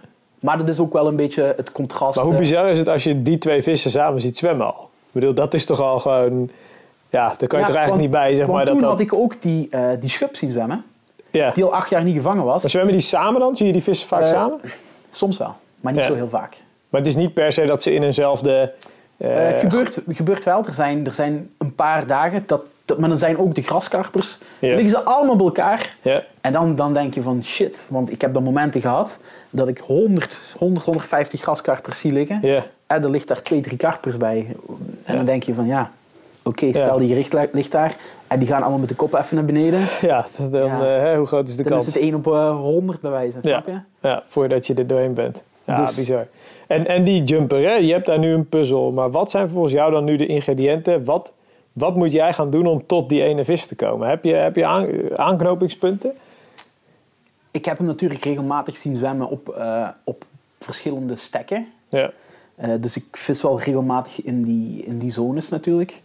Eh, ik weet natuurlijk dat de laatste keer door mijn maatje was gevangen, maar dat is natuurlijk geen garantie. Dat kan op, op alles. Hij had nu toevallig die op Vitella gevangen. Maar dus nu de laatste tijd ben ik regelmatig nog een hengel erbij. Maar dat is ja, ik heb heel vaak al vissen gevangen in het verleden. Ja. Dat ik weet van die komt bijvoorbeeld heel vaak op zoeter uit, een bepaalde vis. en dan komt toch op vis. Of En, ja, nou, dat, dat kan Ja. natuurlijk zeker veranderen. Dat is zeker Ja. geen... Maar je merkt, ik heb ook al, al vissen gehad dat ik een hele tijd achter een bepaalde vissen op mijn water ben. En dat ik die gewoon niet, niet gevangen krijg, terwijl ik bijna heel het bestand heb. En veel, veel eh, moeilijkere vissen twee, drie keer heb. Dat je denkt van, hoe is het mogelijk? En dan soms gewoon door het veranderen van aas, dat je twee, drie nachten daarna niet hebt. Ja. Soms is dat misschien toeval, kan gewoon zijn. Het kan goed zijn dat je met hetzelfde, met hetzelfde aas door had ook had gevangen. Ja. Maar ik merk toch heel vaak, ik maak ook altijd een logboek. Ik schrijf eigenlijk alles wat ik van die vis kan weten. Waar wordt die vaak, eh, Ja. eh, wat type, ik zeg niet, er zijn, er zijn bepaalde vissen. Als je heel alternatief aas vist soms, vang je soms een heel ander, ander eh, gedeelte van het bestand. ja. Ik heb ooit zeg maar, op een water heel veel met maïs gevoerd en gevist. En er was een bestand van 40 vissen op het water. En ik heb er dan een week aangehouden. En, mijn eerste, en ik, had, ik dacht alles te ge- gehad te hebben op het water. Het waren geen uitzonderlijke vissen. Maar ik had drie schubkarpers gevangen tussen de 8 en de 12 kilo die nacht. En die staken nog niet in het bestand. En dat was dan gewoon op maïs. ja, gewoon onbekende vissen. Op dat moment voor, voor ons dan wel, die zaten gewoon niet in het bestand. Ja, Dus soms, ja, dat kan, dat kan al een verschil maken. Dus ik geloof echt wel dat bepaalde eh, vissen een bepaalde voorkeur zouden kunnen hebben. Daarom vis ik ook vaak gemengd. ja. Een beetje het beste van de twee. En dan vis ik die ook vaak samen op een her. Dan heb je ook vaak... eh, ja je wil zo breed mogelijk aanspreken dan, zeg maar, ja, qua, dan qua heb je eigenlijk... Dan, dan, breek, dan, dan spreek je zoveel mogelijk vissen. Dus, dus je- jij zegt dan, oké, je moet eerst natuurlijk je, moet je vis selecteren. Je moet weten waar je informatie moet kloppen. Ja, en soms ga ik Ehm. daar ook wel heel erg ver in. Bijvoorbeeld, dit jaar ben ik er niet geraakt. Maar Ja. eh, een van mijn volgende... eh, ik heb wel een vergunning gekocht, maar ik ben er niet geraakt. Waarom niet geraakt? Het was gewoon heel... Nadat ik de mooie kaan wou ik er heel graag vissen. Maar toen hebben ze in België de avondklok eh, Ja. ingesteld. Hier in. Nederland. Ik zie, ik zie heel veel vrienden wel eens eh, klagen op Facebook en zo. Maar Dat ik hebben moet we niet gehad. Nee. maar ik moet zeggen, in Nederland is echt een, een ruimdenkend land. En Ja. jullie hebben echt nog heel veel van jullie vrijheden. Zeker. En beperkingen is eigenlijk nog vrij beperkt eh, gebleven. Als je dat Ja. aftoetst met België, is dat echt een drama. Ja, nee, 100 procent. 100 Dus ik had daar een vergunning, maar ik mocht niet meer nachtvissen. Dus ja, Dat is voor mij klaar. is dat een uur en een kwartier, anderhalf uur rijden als het druk in het verkeer, zelfs twee uur. Ja. Ja, dan is dat gewoon niet haalbaar. ja. Want je hebt dan ook, dus ja, je zegt oké, tuurlijk, dus vis selecteren. Je zegt ik wil informatie hebben, zoveel Ja, En mogelijk. bijvoorbeeld in dat geval, dat ga ik wel even zeggen, want Ja. eh, ik zie dat bijna nooit mensen doen. Ik kan daar ook een screenshot van geven. Maar eh, ik heb bijvoorbeeld, eh, ik analyseer dat, maar ook een beetje rekenkundig. Mhm. Dus ik heb een Excel-lijst. Ja. Ik heb het bestand van Hombeek. Heb ik bijvoorbeeld, je hebt dan 100, bijvoorbeeld 100 vissen zitten. En de 25 zwaarste vissen. Ja. Ik wil dan wel een bepaalde type vissen vangen. Daar heb ik dan een analyse op gedaan van de laatste vijf jaar waar die gevangen zijn. Dus dan maak ik een stekkenkaart. Ja. Dus dan schrijf ik eh, op en dan bijvoorbeeld de 25 eh, zwaarste karpers. Die worden in, dan maak ik ook, dat deel ik in januari, februari, maart, april, mei. Ja. Dus maak ik een, maak ik een kaart. En dan kan ik letterlijk zien, want dat verwerk ik dan allemaal. Bijvoorbeeld, oké, we zijn nu eh, juni. Ja. Stek 7 of 8, die heeft in periode juni 20 vissen eh, Van die toplaag geproduceerd van de toplaag. Ja. Dan heb ik ook nog een, een, eh, een laag, zeg maar, een Excel over het hele bestand, waar heel het bestand zijn gevangen. En dat verschilt altijd toch wel een beetje. Ja. Dat, dat, dat merk je wel. En dan kan ik me echt focussen, oké, in die periode, op dat moment, eh, Moet ik daar zijn. bepaalde vissen. En dan kan ik natuurlijk dat ook specifiek doen voor bepaalde vissen die dan zijn gevangen. Soms ga ik ook verder terug. Dan durf ik zelf ook nog, eh, dat heb ik vroeger dan gedaan, bijvoorbeeld de perfecte analyses bij welke luchtdruk eh het meeste de grotere vissen eruit komen. Dat trek je daar gemiddelde van. Dat was bijvoorbeeld 2018, dan had ik van eh, alle grote vissen in België de laatste 10 jaar gekeken. Maar dan kan je teruggaan, Ja. opzoeken van die dag op dat jaar was die luchtdruk. En dan heb ik ze één keer allemaal in tabellen gegoten. Ja. En dan ging ik gewoon eens kijken, ja, wat is eigenlijk de gemiddelde voor vissen boven de 25 kilo? Welke luchtdruk komen die dan sneller eruit? En die vangsten kwamen gewoon vanuit jouw netwerk allemaal, die informatie. ja, die kwamen allemaal uit eh netwerk. Uit en tegenwoordig ja. natuurlijk, Facebook is Ja, dus je ziet heel makkelijk... En, en heb je uit die data, hè, want volgens mij zit dat gewoon in jouw hoofd, heb je daar bepaalde eh, ga- conclusies uit die ja, je ik, ga daar... het, ik ga het zelf zo zeggen. Ja. Ik ben eh, voor een stuk... Natuurlijk, als je op een target bent... Ik probeer de laatste jaren, als ik op een target ben... Ja. dan probeer ik ook echt te focussen op die target. Vis ik niet gigantisch graag eh, op het water. Soms is het de keuze om er niet op te vissen. Maar als ik het echt wil vangen, of die vis zwemt gewoon te kort bij mijn huis, zoals nu, Ja. eh, dan heb ik echt zoiets van, eh, oké, dan combineer ik het wel af en toe met meer dingen die ik echt veel plezieriger vind. Want het is niet, targetvissen op sommige waters is ook niet altijd het grootste plezier. Nee. En dat kan neveneffecten zijn, bijvoorbeeld op waar de Mohikaan zwemt. De meeste mensen in de zomer en zo, die willen daar niet, niet, niet vissen door de criminaliteit, de mensen die er s'nachts allemaal rondlopen. Ja. Daar heb ik iets minder problemen van. Ja. Eh, maar door de dag, eh, allemaal de zwemmers en al de neveneffecten, dat zijn, dat zijn, maar dat zijn keuzes. Als je iets wilt, Ja. dan vind ik, dan moet je er ook 110% eh dus voor gaan. ja. En die, die data hè, die jij in je hoofd hebt, hè, Die, v- die data, heb je daar wil ik bepaalde... nog even op, op verder gaan. Want daar was ik even van afgeweken. Het is zelfs zo, ik heb enorm veel vissen gevangen op datum. Stel, ik kom bij een, een water. Ja. Eh, vaak zijn dat, soms zijn dat syndicaten. En dan kijk ik, dan is er een vis. Bijvoorbeeld, dat was toen bijvoorbeeld eh, de Spanjaard. En dan keek ik naar de, naar de datum. En die was in het verleden, bijvoorbeeld, dat is echt effectief Ja. zo gebeurd. Die was twee of drie keer gevangen op 25 mei. Ja. Toen werkte ik bijvoorbeeld nog voor een baas. Maar dan mag je geloven. Kijk maar in, in de bestand. Ja. 25 mei heb ik hem. die eruit? Ja. En dat is niet één, dat is niet twee, dat is niet drie. Dat heb ik zeker al vijf, zes, zeven keer in mijn leven, zeg maar, dat ik rond die datum, een datumvaste vis, Ja. dat, dat die vissen op bepaalde datum echt wel eruit komen. En dat is echt meermaals Ja, gebeurd. En, en heb je dan uit die data van jou, heb je daar ook een, een, een lijn qua luchtdruk waarvan je zegt, oké, als, ik, als ik dat allemaal meeneem, in general is 1016 tot 1018. 1018, 1018 Ja, zie jij terugkomen als, als constante of zo. dat is, Dus, gewoon, dat is, puur, een, dat is puur een gemiddeld. Het is Ja. natuurlijk zo, dat is, dat is wel een, een... Het is natuurlijk vaak eh, rond volle maan. Ja. worden vaak grotere vissen gevangen. Mijn, mijn idee is dat eigenlijk... eh, ik doe natuurlijk verschillende andere dingen tijdens eh, volle maan waar ik rekening mee hou. Want vaak met volle maan is meestal een periode met hoge luchtdruk. Dat valt meestal samen. En dat wil zeggen dat als het ho eh, hoge luchtdruk is, in mijn, in mijn geval, dan gaan meestal de vissen al iets, iets ondieper. Eh, maar ik heb het gevoel dat grote vissen er iets beter tegen kunnen. Ik denk dat die een bepaalde druk op een zwemblaas hebben, waardoor ze eigenlijk omhoog komen. Ja. In zee is dat trouwens ook zo. Eh, dus zeg maar mensen die op zee vissen, die gaan ook bepalen met slepen. bij hoge luchtdruk gaan ze ook om dieper hun netten hangen bijvoorbeeld. Want jij zegt dan hoge luchtdruk duwt die vis als het ware hoger in de waterlagen. Ja, heel vaak zelf in de winter. Ik heb, Ja. ik heb bijvoorbeeld, ik geef maar een voorbeeld. Ik heb een keer op, eh op Soembar in Kroatië gezeten.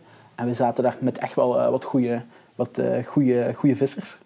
En ik heb dan die ervaring wel dat ik weet dat gebeurt er. Ja. En ik zag, oh, er komt echt, het werd echt min 5, min 16 nacht. Ja. Je zit met 20 mensen. Die nacht vang ik als enigste 11 vissen. En op één hengel. En dat Ja. kwam maar, ik had een heel ondiep stukje gevonden bij mijn andere lopen. Dan was het een meter, anderhalve. En iedereen zat vrij diep. En dan zie je, op dat moment heb ik maar één visser Ja. snel zien schakelen. Dat was toevallig Bart van den Hurk. Die past dat ook aan. En die begint, alhoewel dat hij een ander stuk van het water zat, ging hij toch ook vanaf dan... Begon het ook te lopen. Ja, die had dat dan door, die legde die link, dat zag je dan wel. En die, begin, die vraagt zich af, hey, hoe komt dat dat Mario dan Ja. eigenlijk deze nacht wel vis heeft gevangen? En die, dan merk je van, oh, die legt de link en die lift dan... Maar dat kan een groot verschil zijn. Hè? Ja. En die lage luchtdruk, daar zeg je dus, die duwt dus die vis letterlijk naar de bodem om dat azen ook te activeren. Is dat jou, ook jouw, jouw visie dan als je het hebt over de lage luchtdruk? Wat doet dan die daling? dat, zeg maar, zou, met de... dat, zou, dat, zou, dat zou kunnen, maar het zou ook kunnen zijn dat die vissen er misschien helemaal niet zo van houden van die, van die hoge luchtdruk. En dat die gewoon Mhm. zich prettig voelen als die zakt. ja, Dat ze dan, zich beter in hun vel voelen en dat ze zeg maar... eh, Ja, gaan, gaan azen. Want ze voelen zich daar- niet, niet, gemakkelijk. Het kan ook gewoon zijn dat die vissen een heel tijdje bijvoorbeeld half water liggen. Hè. Het wil Ja. niet zeggen dat ze helemaal altijd van boven zijn. ja. Maar eh, ja, dat is iets, iets wat ik ook heel vaak doe, is eh, op groot water zeg maar twee keer scannen. Als ik langere tijd bezig ben. Bijvoorbeeld, heel veel mensen gaan door de dag eh, op een water met een, Mhm. met een dieptemeter. En dan zien ze bijvoorbeeld, ik zeg maar iets, de vissen op eh 4 meter. ja. En dan gaan ze op 4 meter vissen. En door de dag kan het zijn dat die 4 meter echt wel goed loopt. Maar Ja, ga je s'nachts. s'nachts erover, dan, dan zie je misschien diezelfde groep vissen heel ergens anders hangen. op, op, ja. 9, op 9 meter, eh, tussen de 7 en de 9 meter hangen. Ja. Dus ik durf ook wel eens door de dag op andere dieptes te vissen als, als 's nachts. Ik ben er wel altijd een beetje met een spelen en ik hou er zeker altijd rekening mee. En, en hè, in de intro natuurlijk gaf je al aan die zonneintensiteit heel belangrijk. Ehm, ben jij nog heel scherp op, op, op windrichtingen? Heb je daar nog bepaalde eh, analyses, kijken op deze Ja, de wind is natuurlijk eh, vaak eh, goud. Al moet ik zeggen, er zijn er toch nog altijd, merk ik soms nog echt, tegen alle wetten in, Ja. ga je soms nog altijd dat je denkt, hoe is het in hemelsnaam mogelijk? Toch een topsessie draaien met een hele koude wind Mhm. in het voorjaar, dat je denkt, kansloos eigenlijk. Ja. kansloos. En je gaat met 10, 11 vissen naar huis met twee jongens en Ja. je denkt van, Maar die luchtdruk is dus in jouw aanpak eigenlijk een van de belangrijkste. ja, het, weet je wat het is? Kijk, als je heel veel, als je heel veel tijd hebt, Ja, ik ken heel veel jongens die kijken er niet zo heel veel naar, want die zeggen, "Pff, ik ga gewoon vissen. ja thuis gewoon Maar sowieso niks. Ik probeer natuurlijk eh, mijn efficiëntie uit mijn, eh, uit mijn visserij te halen. Ja. Want bijvoorbeeld eh, op het Mohicano-water, ik moest dat, mijn stack een week boeken. Elke week. Ik ging wel elke dag voeren, maar het gebeurde soms dat ik maar één nacht op die week viste. Ja. En dat was gewoon op de betere nachten van de week probeerde ik dan wel... eh, koos je ervoor om te gaan. Ja. En even dat water, hè. Ik, ik haal het net al even aan. Je hebt de Mohicaan dus twee keer gevangen inmiddels. Hè? Ja. Ehm, de tweede keer dacht ik op 42-3 zelfs. Hè? yes. En de Nee, eerste drie- 43-2. 43-2. En de eerste keer was die... 38-6. Ja, bizar. Dus de tweede keer was het eigenlijk weer... Of het was Benelux record, denk ik. Zwaarste vis. Ja, Zwaarder het is, dan... op dit, is op dit moment het eh, nieuw Benelux record, klopt. Ja, ja en, en, en hè, Michiel zei, fluisterde mij in... Ja, Jos, Mario heeft die vis gewoon teruggezet zonder ook maar een foto te nemen, hè? Klopt. Dus die, maar zeg maar, was het voor jou dan, dan zo van ja, ik, ik, ik, ik, ik, heb, eh, ik heb haar, het zou een vrouwelijke vis zijn, denk ik toch?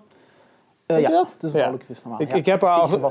Ja, ik heb haar al gevangen en dus mag, Ja. ze, mag ze weer gaan, zeg maar. Ja, ik heb er mooie, voor mij heb ik heb er, eh, een prachtige foto voor- mij. Ik heb met mijn, met mijn kinderen ja, een hele leuke foto, voor mij persoonlijk.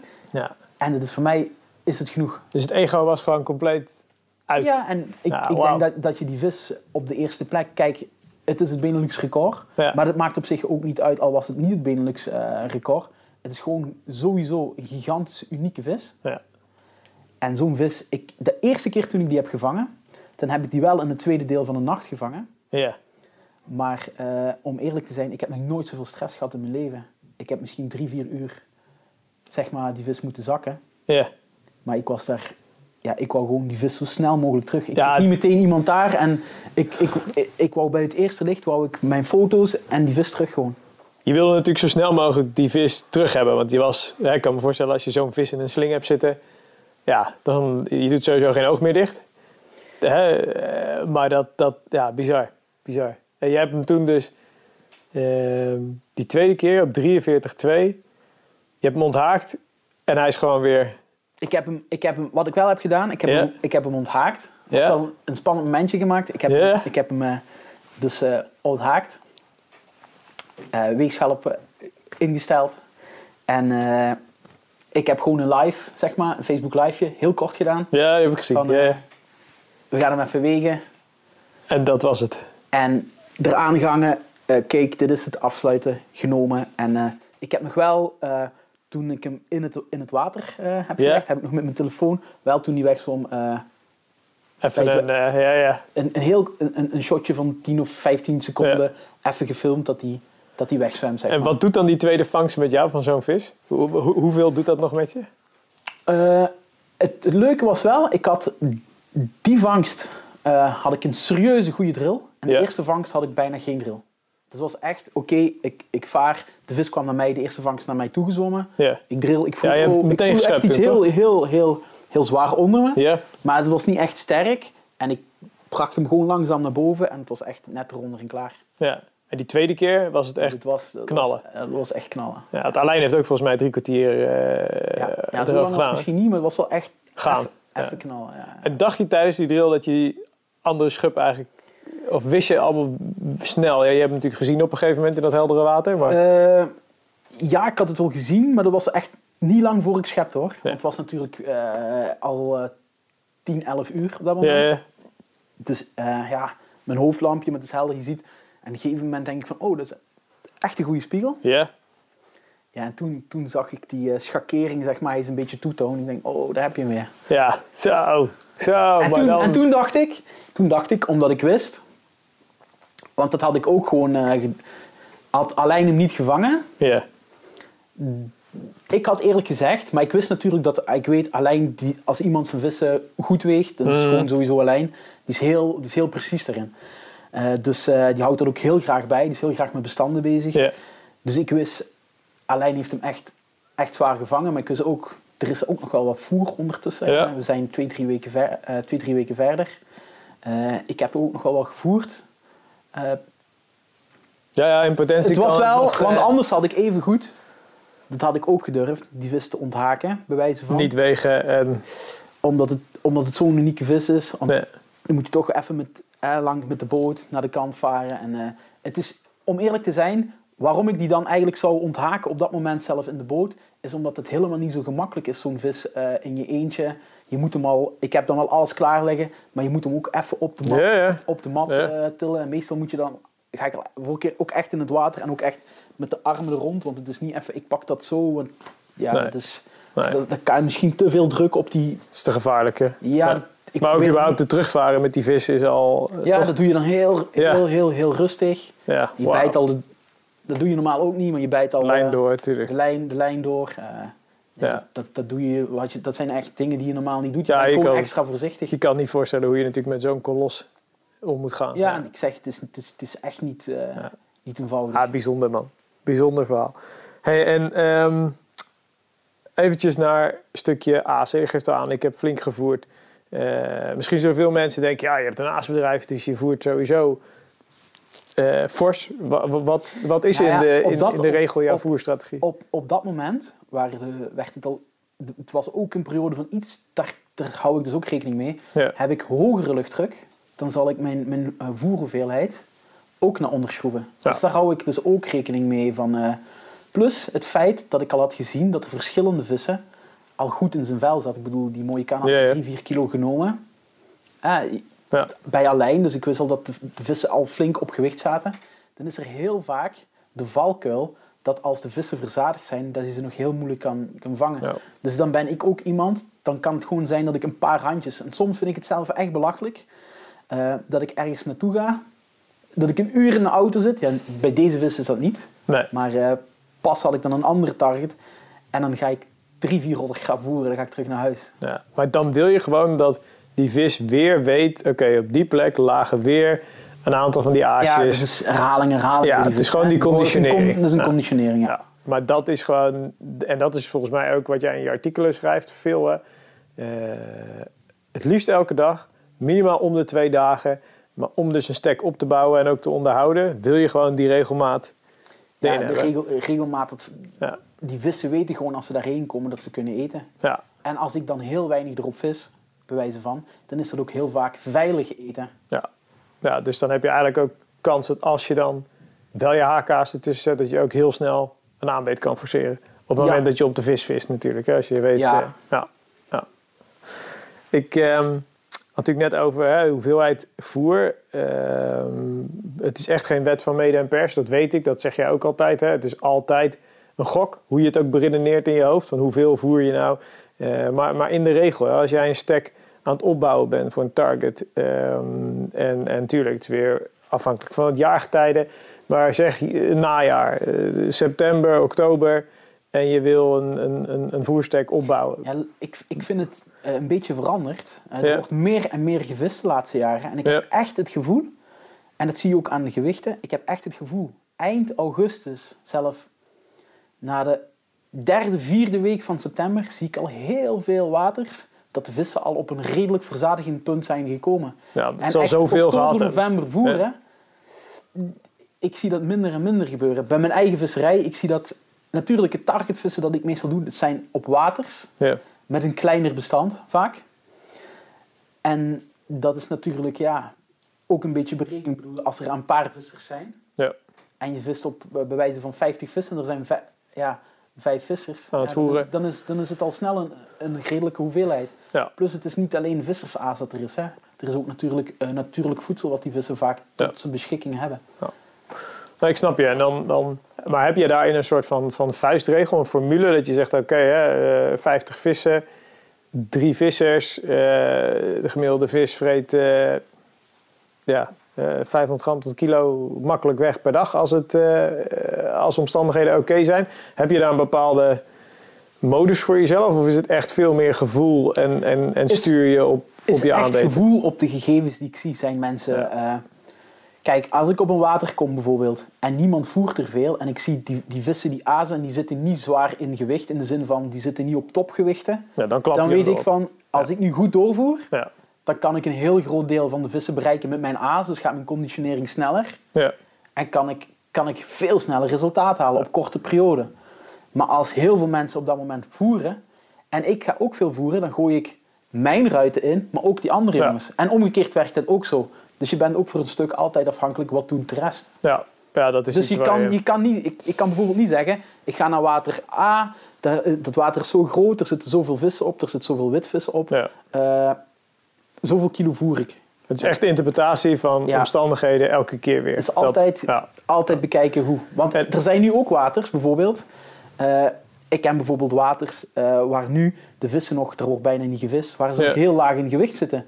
Daar durf ik nu bijvoorbeeld, terwijl ik op een ander water nog geen 300, 400 gram durf te voeren, daar durf ik 3, 4 kilo te voeren zonder enig probleem. En ik weet gewoon, als ik ga vissen, dat ik er gewoon 3, 4, 5 kan vangen. ja.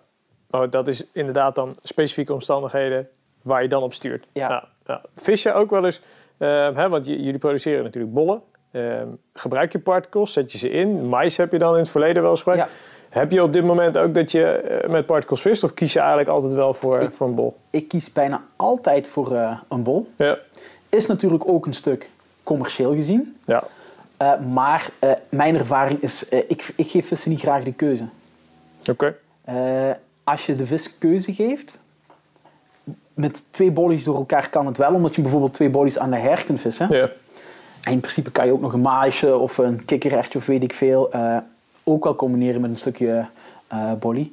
Maar als die vissen echt eh, heel veel verschillende particles erbij worden gegooid en bodies, eh, vissen zijn altijd selectief. Ja. Die gaan eerst eten wat ze het liefste hebben of waar ze het meeste vertrouwen in hebben, waar ze niet op negatief geconditioneerd zijn. Ja. Dus als jij op het water zit en iedereen voert daar altijd particles en ze vissen altijd met bodies, Mhm. dan, trek je, dan trek je dat heel water leeg met particles als je wilt. Ja, als je Dan hoef je zelfs niet eens te ja. voeren. Ja. Maar omgekeerd is het natuurlijk ook soms. Hè? En, en vroeger, nu verbeterd dat, maar als je vroeger naar Frankrijk ging, dan was het, oh, ze zetten ergens een, een boei, daar gingen vier hengels op een lijn. Ja. Daar kiepten ze, ik weet niet hoeveel particles eh, op, en dan visten ze met één of twee bollies over. Ja. Ja, als jij daar met bollies komt, en jij kiept eh, een hoop, eh, een hoop eh, bollies, ja, dan, dan ga je vaak ook vangen. Maar in principe is dat ook omgekeerd. Hè? Vis je met die particles en zij, vieren, zij straffen die vissen altijd bijna af, want ze gooien dan vijf bollies erbij. Dan, wordt, dan wordt die vis heel snel ook Mhm. Ja, negatief geconditioneerd op die, op, die, op die bolly. Jouw persoonlijke voorkeur zijn dus echt bollen. Ja, Dat is eigenlijk je, je go-to. Ja. Oké, en heb je dan... eh, je hebt natuurlijk verschillende eh, bollen in je assortiment, hè, snap ik. Maar heb jij een bepaalde eh, basis, bepaalde ingrediënten... waar je eigenlijk altijd ja, volle bak vertrouwen... wat je echt elke keer inzet? Heb je, heb je daar één type? Ja, één, omdat één type aas is heel moeilijk. Omdat Ja. je komt altijd in verschillende om, omstandigheden. Maar als ik één aas moet kiezen waar ik heel veel kanten mee op kan, dan is het meestal de, de krill en octopus. Waarom? Nadeel is, eh, die is iets zwaarder verteerbaar. Ja. Maar ik ben wel iemand die ook zelf in de winter durft te vissen met iets dat zwaarder verteerbaar is. Als je je voerhoeveelheid maar aanpast. Ja. Dus ik bedoel maar, eh, als ik nu met bijvoorbeeld Chokita zou vissen, dan, eh, ik zeg maar iets, dan kan ik een halve kilo voeren. ja.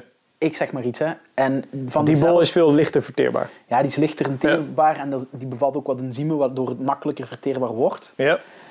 Maar als jij, zeg maar, eh, voert met die andere, waar je één 500 gram van zou voeren, dan kan je met deze misschien 150 of 200 gram voeren. Ja, oké, dus je weet, je kent die verhouding. Dus ik probeer die, die verho- verhoudingen, als ik dat zou doen en ik meng die door elkaar, dan zou ik die een beetje zeg maar, eh, intact houden. Of ik, ik vis zeg maar meestal gemengd en het wordt eh, later op het jaar en kouder. Ik zeg niet, stel dat je in het begin 50-50 vist, Ja. dan vis je bijvoorbeeld op laatst 80% chokieten en 20% krill. Ja, Dus daar kan ga ik je ook Die beetje- verhoudingen aanpassen. Ja, ik ga mijn verhouding een beetje En, aanpassen. en die, hè, we hebben dat nog helemaal niet aangesneden, maar die eh, ingrediënten en combinatiekennis, dat is allemaal praktijkgeschoold. Hè, wat jij, eh, ik bedoel, je, hebt Eh, daar zoveel. Voor een groot stuk is dat praktijk geschoold. Maar ik heb natuurlijk ook, zelf als Belg zijnde samen met Daniel Jawatnia, Ah. subsidie gekregen van, vanuit Nederland. Ja, Via de, ja. Via de K, ja, niet via KSM, maar dat was toen met Marco Kraal. Eh, die had toen een subsidie voor mij en eh, Daniel bezorgd. We hebben natuurlijk die aquariumtesten gedaan met die Ja. voedselprikkeltesten. Daar zijn wij twee jaar mee bezig geweest. En daar hebben we natuurlijk heel veel uitgeleerd. En toen had ik al puur op praktijkbasis Ja. had ik echt een x aantal weddenschappen met Daniel lopen. Ja? Ik heb ze allemaal gewonnen. Ja? Maar dat is puur, bijvoorbeeld, ik geef me een voorbeeld. Soja, zei Ja. ik, dat gaat niet, goed, niet zo goed werken. En waaraan baseerde ik dat? Ik baseerde het op, ik heb met sojabonen bijvoorbeeld getest en gevist. Mhm. Of met lupine. Ja. Hè? En mijn vangsten waren daar eh, slecht op. Ik werd zelfs soms al eens naar huis gevist en, en dergelijke. Dat ik iets had van, oh, dit is niet goed. Minder, ja. Maar door, Ja. maar door de jaren heen. Sommige ingrediënten wist ik bijvoorbeeld, eh, ik zeg maar iets, een vleesmeel. Als ik er nog maar produceerde, alles wat bij mij in de buurt kwam, van vliegen en alles, dat werd zo aan, aangetrokken. Als ik er mijn viste, dat loopte echt als een, Ja, ja. als een gek. Dan zei ik bijvoorbeeld, ja, dat meel, dat gaat, dat gaat heel hoog scoren. Dat, en puur op basis eigenlijk van praktijkervaringen die ik gewoon omzet in, in theorie. Ja, ja. ja dat snap ik. En, en heb jij dan ehm, alle ingrediënten, flavors, attractoren? ehm, jij bent letterlijk degene die bij jullie toch ook van A tot Z die mixes Eh, eh, samenstelt. een stukje. Oké, Eh, diegene die heel veel doet, maar echt Ja. extreem veel, zelf vaak meer als mij, ja. omdat zijn, eh, hoe moet ik zeggen, zijn, zijn, zijn kennis, maar ook zijn interesse verder reikt als iemand anders die ik ken. Dat is eigenlijk David Wouters. Die is daar al eh bij wijze van meer dan 30 jaar mee bezig. Nu tot de dag van vandaag nog. Ja, hij blijft altijd maar, hij wil altijd maar doorontwikkelen. Hij heeft natuurlijk zelf ook eh, heel veel in, hij heeft ook zelf koois. Daar zit hij ook heel fel in. Met het studies, eh, bestuderen van wat doen die vissen, wat eten die. Alle analyses, je wilt niet weten, elke week stal ik die mij. Kan je hier iets op vragen? Kan je daarop vragen? Vraag me hier, stel hem. Hij, eh, hij heeft er zo'n groot interesse en dat staat bij hem ook nooit niet stil. Maar dat is wel goed, want hij pusht mij ook. Om en mee te gaan. Ja. Hij Ja. pusht dat ook echt naar een hoger niveau. En hij wil ook altijd eh, vooruit. Terwijl ik misschien al sneller zou zeggen, ja, dat vangt prima. Ja, ja, maar Het het is kan. zo. Maar hij zegt, Ja. ja. nee, het kan misschien nog beter. Ik wil het nog beter. Ik wil het beter. Zoals bijvoorbeeld nu met die Chokita. Hij heeft er eigenlijk voor gezorgd. Hij is ermee gekomen bijvoorbeeld met, dat, met de enzymen. Ja. Van, dan kunnen die vissen beter verteren. Er kwam iets uit de kooi-industrie. Ja. Hij is degene zeg maar, die eigenlijk dat aas heeft nog verbeterd, geïmplementeerd heeft. Ja. En ja, hij is er enorm, enorm mee bezig op alle sp- aspecten. Van waardes tot, tot Dat pakt hij tot allemaal, attractiviteit, tot... En waar komt die donkere kleur vandaan van die bol? Ik, ik heb dat, Dat niet. is, eh, dat is, eh, wij zijn eh, voor volgend jaar, maar zijn nu al mee bezig. Wij gaan Ja. geen kleurstoffen meer gebruiken. Enkel Mhm. producten op natuurlijke basis. En eigenlijk is dat een, een, een natuurlijke kool Die die kleur. Oké. die ze zo zwart maakt. Ja. Ja. En is dan voor jou, hè, met jouw achtergrond, ehm, eh, wat ik dan van vroeger, hè, oké, rood wordt het beste herkend door een vis onder water. Eh, dus, dus had ik altijd, oké, rood, rood, ik moet een rode bol hebben. Maar dat het zo donker is, dat het wegvalt tegen dat visuele aspect, dat... eh, la- dat- hoe zie je dat? Dat klopt niet, ook niet altijd, want als je bijvoorbeeld een hele witte bodem zou hebben, Ja, dan kan het net wel af eh, contrasteren. Ja. contrasteren. Ja. Dus dat is niet, eh, dat is niet altijd. eh, Nee, dus die bol, die... die, die En het is natuurlijk ook anders. Hè? Want, in mijn testen, dat zie je ook in die aquariumtesten, we hebben natuurlijk met infrarood gedaan. Op het moment dat de lichten uitgaan, azen vissen anders. Hè? In eerste instantie bij helder water, azen die vissen altijd op zicht. ja. Dus die zien iets en die ziet ze daar naartoe gaan. Op het moment dat alles uit is en we infrarood, dan zie je ze echt zo echt zoeken. Ja. ja, en dan is het veel meer op tast en op smaak en op pakken. Yes. Ja, ja bijzonder. Hey, ehm, we hebben nog niet echt gesproken over het stukje eh, eh, laatste meter. Eh, ik heb het idee dat jij daar helemaal niet heel veel geks bijzonders mee doet. Ik heb het idee dat het veel meer zit op, op locatie, timing, omstandigheden, op de visvissen. Maar eh, kan je ons eens meenemen, hoe ziet jouw laatste meter eruit? Heb je daar Ja, een, ik zeg, ik zeg eigenlijk altijd, want in principe, het is natuurlijk waar je het legt, maar het, het allerbelangrijkste in mijn ogen is die Ja. laatste meter. Ja, van, van aas tot, tot, tot haakkeuze, tot lijn. Ja. Maar uiteindelijk alles gebeurt op die laatste meter in principe. Mhm. Want daar is diegene waar je de vis moet haken. Ik bedoel, je kan het beste aas ter wereld hebben, bij wijze van. Maar heb je geen haak of een, een botte haak, nou ja, dan... dan, dan ga je die ook niet vangen. Nee. Dus eh, ik ben op zich, eh, natuurlijk, ik zeg altijd, vissen is ervaring. Hoe, voor een stuk. Hoe meer jij vist en de juiste linken legt. Ik heb in mijn heel leven natuurlijk alles getest wat maar Ja. voorbij komt. En nu soms nog. En toch grijp ik heel snel altijd terug naar het, naar het, naar het, naar het vertrouwde. Waarom? Omdat het gewoon zo succesvol Maar, maar wat is bij jou het vertrouwde? Hoe ziet dat eruit? Ik hou echt heel erg van soepele onderlijn. Ja.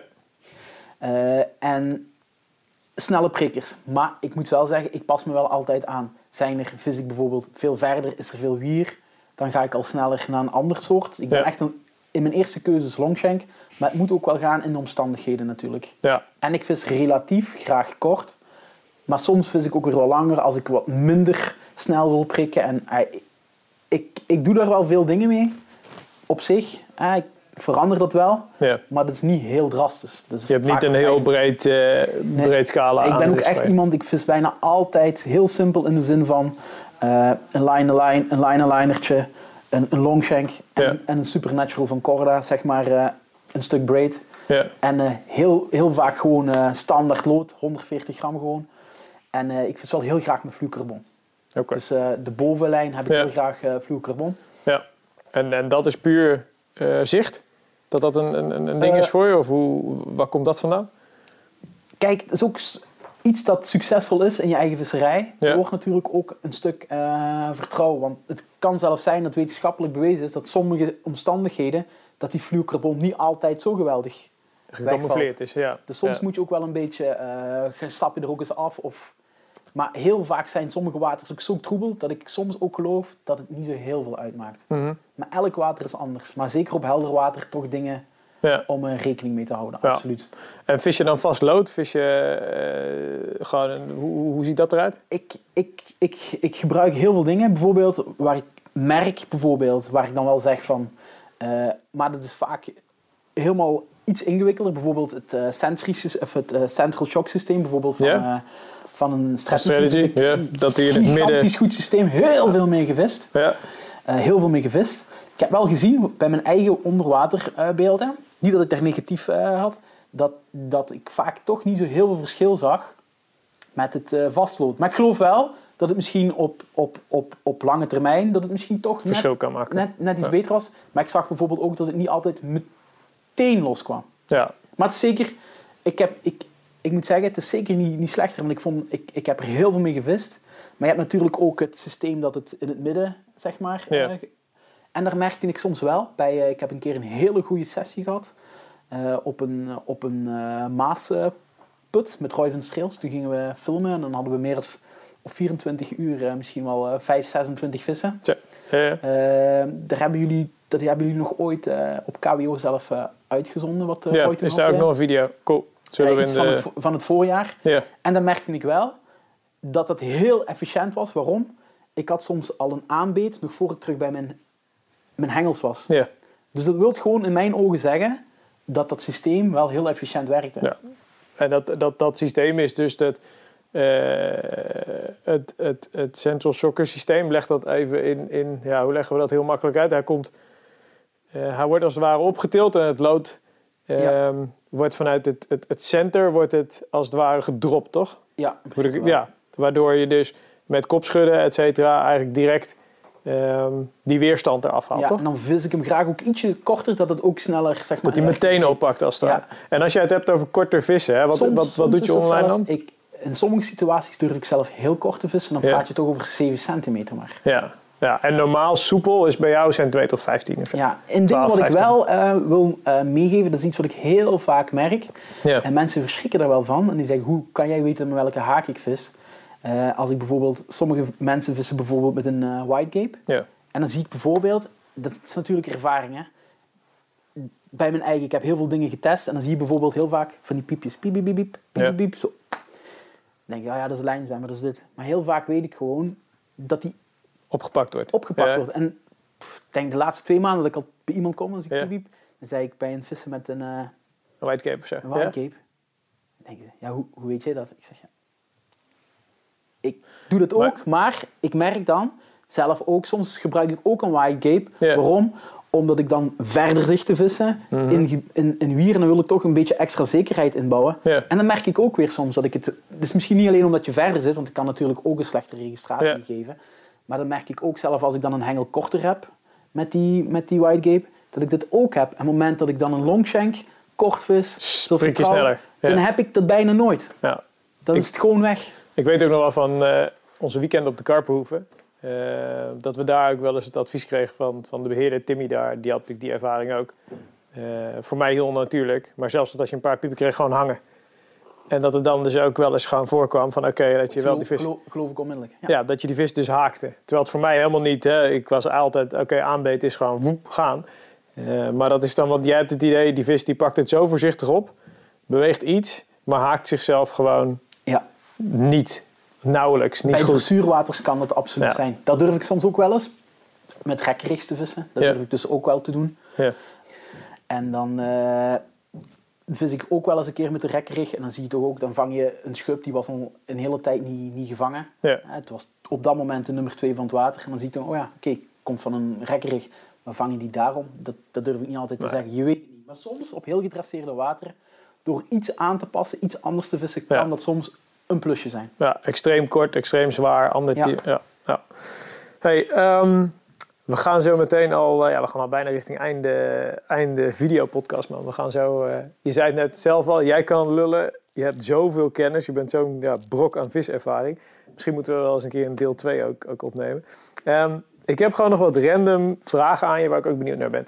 Wat doe jij als je eh, niet aan het vissen bent, niet met Dream bezig, bezig bent, niet met de family, maar je bent wel aan het ontspannen. Wat, wat, heb je nou, wat vind je tof? Wat doe je nog Eh, meer? iets wat ik gigantisch eh, tof, tof vind en mijn heel leven Ja. al bijna doe, is ja, met, met een hoop vrienden van mij Ja. samen naar de voetbal gaan. Ah, oké, dat zit er ook echt gewoon in. Heb je zelf ook gespeeld vroeger? Ja, ik heb Ja? gespeeld en mijn vrouw ook. Ik heb zelf, eh, dat is nu Lommel SK, dat is zeg maar eh, Ja. niveau de graafschap zal ik maar zeggen in, eh, Ja, in Nederland. Ja, je hebt ook op niveau gespeeld, toch? Ja. Ja, dan moet je in de zin, dan moet je wel even in het context van jeugdvoetbal Ja, zien. niet. Nee, nee, op een volwassen. Dat leeftijd. Dan, dan praat je tot, tot 12 jaar of 13 jaar dat ik heb gevoetbald. En, en wat is nu dan jouw club? Wat waar... Ik heb een beetje twee clubs. Ja? Be- een beetje. Nu is dat meer eigenlijk echt één club. En dat is al, al jaren, al, al, al kind eh, Genk. Maar mijn ouders Ja. zijn eh, gescheiden. En mijn moeder is zeg maar voor het stuk van, eh, van de kanten van Schoten. Dat is meer het, Antwerpse. Daar ging ik eigenlijk een beetje altijd naar Antwerpen. Ja. Ik heb wel een klein beetje, ik ben wel regelmatig gegaan, maar ze hebben heel veel jaren, de laatste jaren hebben ze altijd een, een tweede klasse gespeeld. ja. Toen FC Antwerpen heb je het dan Ja, over, ja, toch? ja, ja. Ging ik regelmatig eh, naar, eh, nog naar Antwerpen kijken, maar ook altijd naar Genk. Ja. En nu spelen ze in, de, in dezelfde liga. Ah. Ligt dat iets, Ja, ja, ligt iets iets gevoeliger. gevoeliger. En ja, al mijn, al mijn, eh, mijn echt, echt mijn vrienden waar ik echt mee ben opgegroeid, Ja. dat, is allemaal, dat is allemaal Genk. Dus ja, mijn hart is toch het meeste ligt daar. bij Genk. En, en maar is ik heb dat, toch is nog dat, altijd zeg maar een plek Dat in mijn hart voor, voor, voor, voor, Antwerpen natuurlijk ook. en loopt daar vissen en voetbal ook weer door elkaar? Zitten daar ook weer vissers tussen? Er lopen gigantisch veel vissers Ja, hè? eh, Ja, ook bizar door. is dat. Eh, dat, dat, dat zeker en vast. Ja. Maar dat staat altijd verder, ja, verderop. dan Ik is vind het- voetbal... eh, ik vind het super. Ik, ik ben ook heel blij mee dat ik Ja. zoiets heb, ook buiten het vissen. Omdat dan ben ik eens helemaal uit, uit dat uit, uit het die wereldje. Ja. En dan kom je heel andere dingen, heel andere mensen tegen. En ik, ik vind dat ook echt als een verrijking. En dat is ook ja, heel, heel, heel, heel anders. Ja. Hey, wat zijn jouw visambities, visdoelen voor 2021? Want we zitten er bijna. Hè? Eh. Misschien zitten we er zelfs al. Dus hoe zie je 2021? Ja, ik, ik moet eerlijk zeggen, ik heb al zoveel jaar eh, target gevist. Ja. Eh, ik zit natuurlijk nog wel een beetje met, met jumper in mijn hoofd natuurlijk. Maar ik moet wel een balans vinden dat ik het blijf leuk vinden. In de zin van, mijn laatste vijf vissen. Nee, ik, ik heb deze maand, november, heb ik dan het eerste weekendje heb ik nog gevist eh, op het Ja. water. Op een stek, eh, daar was denk ik al eh, weken en weken niks ge- gevangen. Had ik toch gelijk dat weekend toch een graskarper en een normale spiegel. Ja. Dus dat was dan wel op zich mooi. Maar de, de vijf vissen ervoor, er zijn dan natuurlijk wel leuke bijvangsten. Ik bedoel, Ja. dat is niet, maar de laatste vijf vissen had ik al gedubbeld daar. Oké. Ja, dat. Moet ik zeggen, ook op de nacht van de Mohikaan had ik nog een 25-8 ook nog erbij. ja. Maar, eh, maar ook een dubbelvis. Ook weer gedubbeld. Ja. Ook. Die schrup weer. Ja, ook. Ja. Zo. Dus, eh, en ik vind het niet zo heel fijn om, om heel tijd... eh, ja, Ja. Maar ga je jumper vangen in 2021? Dat is wel, dat is wel de bedoeling. Maar Ja. wat ik ook, iets wat ik heel erg mis in mijn, in mijn visserij momenteel, toch ook weer een beetje het. het gaat zeker de volgende twee jaar ga ik er zeker aan belanden. Ja. Is een, een beetje het, het avontuur. Oké. Ik zou heel graag toch weer eh, wat eh, eh, stelsels die in verbinding staan met de rivier, waar ik niet echt weet wat er zwemt. Ik wil weten dat er grote vissen zijn, maar dat het zo groot is dat ik echt moet zoeken en een beetje het avontuur, dat mis ik wel. En ook wel een, een grotere vis op, het, op, een, op een kanaal. Zit een Albertkanaal, ja. die zit ook wel in mijn gedachten. Ik wou er dit jaar al naartoe, maar omdat een regio Antwerpen van de zomer tot nu toe zeg maar, verboden Ja, met de avondklok is, ja. Ben ik er niet naartoe gegaan. Hombeek zit ook nog een beetje in mijn gedachten. En Ah. ook dat is een beetje planning, hè? want ik weet bijvoorbeeld uit mijn, uit mijn, eh, zeg maar uit mijn Excel-sheet tot mei Ja. worden bij wijze van geen vijf of tien vissen op, op, op Hombeek gevangen. ja, dus dan blijf je Dus weg. dan weet ik, Ja. al die tijd moet ik daar al eh, mijn eh, energie niet in, Ja. in verspillen. Dus dat kan ik zeg maar gericht. Ik, ik, ik zet dan blokken en dan zeg ik van die twee maanden ga ik bijvoorbeeld zeggen van oké, of in die maand Ga ik vol. me- ja. ga ik echt vol voor, voor, eh, voor jumper. Dan ga ik dat ik toch mijn diversiteit heb Ja. in, in mijn visserij. En zit daar ook bijvoorbeeld een stukje Frankrijk of, of, of Nederland misschien zelfs wel in? Eh, Nederland is sowieso, en dat meen ik serieus. Ik Ja? denk dat ik voor de rest van mijn leven, dat is natuurlijk ook wel een beetje de informatie die je hebt. ja, Eh, maar ik zou perfect de rest van mijn leven enkel In Nederland kunnen vissen. Omdat Nederland heeft zoveel mooie vissen. Ook grote vissen natuurlijk. Ja. Maar het, is, het is echt het is zo'n mooi visland. Jullie, jullie kunnen van in de polder tot van A tot Z hebben jullie zand, alles. eh, Plus jullie hebben natuurlijk goed geïnvesteerd in, in, in uitzettingen. De laatste tien jaar, misschien wel langer. Ja. En ja, dat ontwikkelt zich super. En eh, ja, je hebt nog, ook nog wel een paar hier en daar wat pareltjes die niet zo gekend zijn. Zeker, ik denk dat er eh, een hele laag is waarvan nog heel veel onbekend is. Ja, Ja, en ja. eh, ja, hier en daar vang ik natuurlijk ook wel eens een keer op. Eh, soms is onbekend daarom niet bekend, maar wel gekend, zeg maar. Ja, Eh, dus ja, in Nederland kan je heel veel dingen doen. genoeg uitdagingen. Maar ik ga toch vooral, als ik het buitenland ga, omdat heel veel mensen, dat vind ik echt wel grappig, heel veel mensen gaan bijvoorbeeld naar Frankrijk. Ja. Maar op dezelfde afstand, dan zit je wel al zuiden van Frankrijk. Ik ben al zoveel in mijn leven zeg maar, naar Frankrijk gegaan. Maar ik vind het eigenlijk veel toffer om in landen zoals een, een Polen, een, eh, een Polen of een Tsjechië, Ja. eh, waters. Ik heb dit jaar eh, ben ik dan naar, naar Polen geweest een paar dagen. Ja. Maar dat doe ik dan combineren met werk. Dus ik bezoek door de dag eh Ja, winkels. je, En s'nachts zit ik dan op een groot reservaat ja, en vis, ik, een- vis ik een nachtje, bij wijze van. ja, cool. Hey, laatste deel van dit interview is een stukje kiezen en delen. Kiezen of delen. Ehm, gewoon even jouw gut feeling. België wereldkampioen voetbal of een target vis verspelen? Keuze moet je maken. Waar ga je voor? Is België wereldkampioen voetbal of een target vis verspelen? Oké, dus ik moet kiezen wat ik kan verliezen. Ja, wat, waar, waar ga je voor? Ik ga dat heel makkelijk maken. Ja? België wereldkampioen. En weet je waarom? Ja? Omdat als ik een target zou eh, vangen, ja? Ja? Heb je nog kans om een keer te vangen? Nee, nee, da- Ja. daarom niet. Maar ik zou, ik, ik zou een egoïst zijn om dat te kiezen. Want met België wereldkampioen maak ik een hele Een bevolking... hele eh, natie blij. Ja. een hele natie blij. En Ja. met een vis eh, verspelen heb ik enkel een zuur gevoel. Dus ik ga toch voor eh, die België wereld... wereldkampioen. Ja. Kijk, hey, je mag nog maar met één bol vissen. 15 of 25 mm. Ga je voor Hey. grote of voor kleine aas? Dat is een moeilijke. Wat Dat heeft jouw een voorkeur? mijn voorkeur...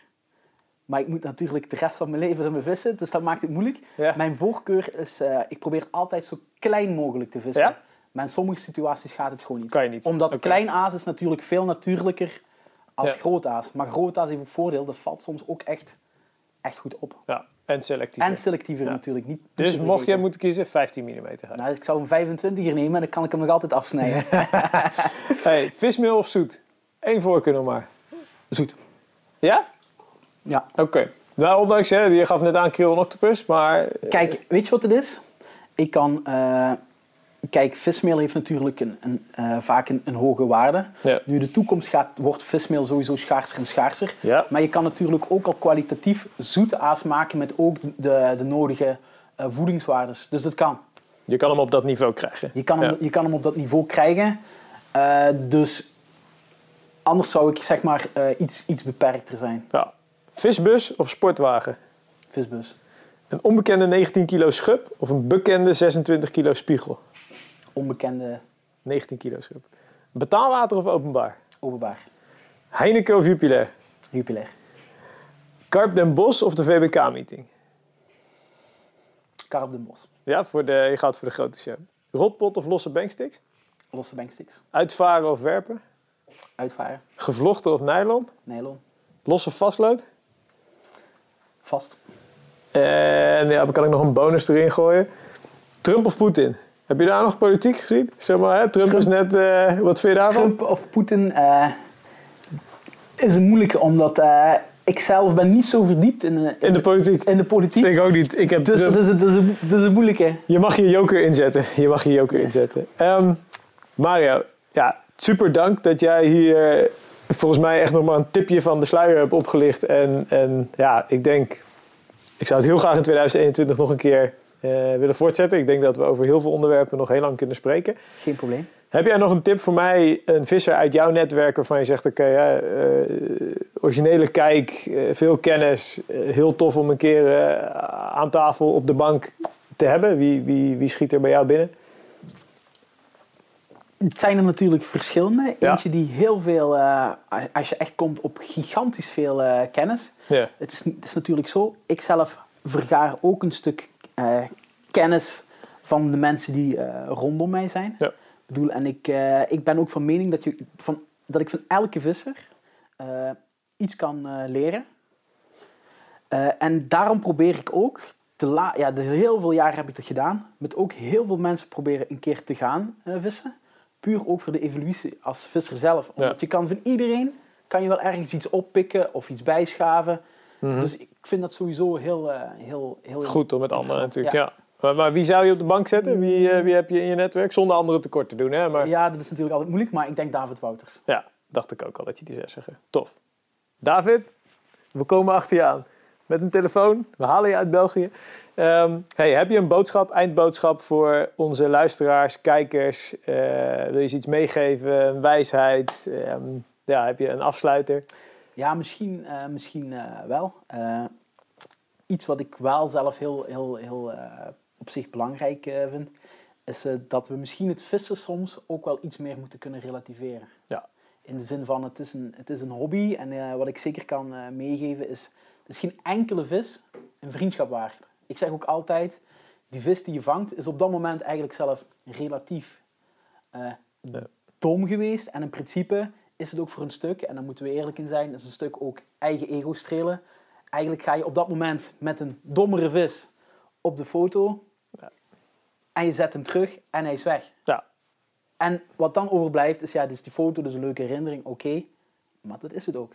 Dus je moet het En een vriendschap, dat is iets, eigenlijk een van de fantastische dingen die er zijn Ja. eigenlijk in het leven.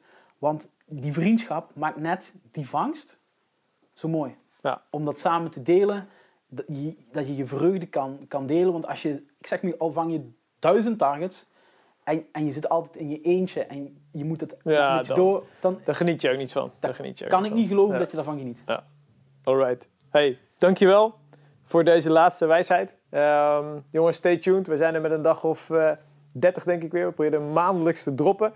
Mocht je dus meer willen weten van Mario Gijbels, eh, check even zoekmachine van KWO. Maar ook Mario, je bent actief op Instagram, op Facebook. Yes. Je bent ook, volgens mij sta je altijd ervoor open om iemand te adviseren op gebied van ja, aas. sta altijd, als ze vragen hebben, mogen ze Exact. sturen. kan je Mario gewoon contacten. Hij is ook op beurzen. Ja, hij lult je de oren van de kop. Dus spreek hem aan, trek hem aan zijn jas.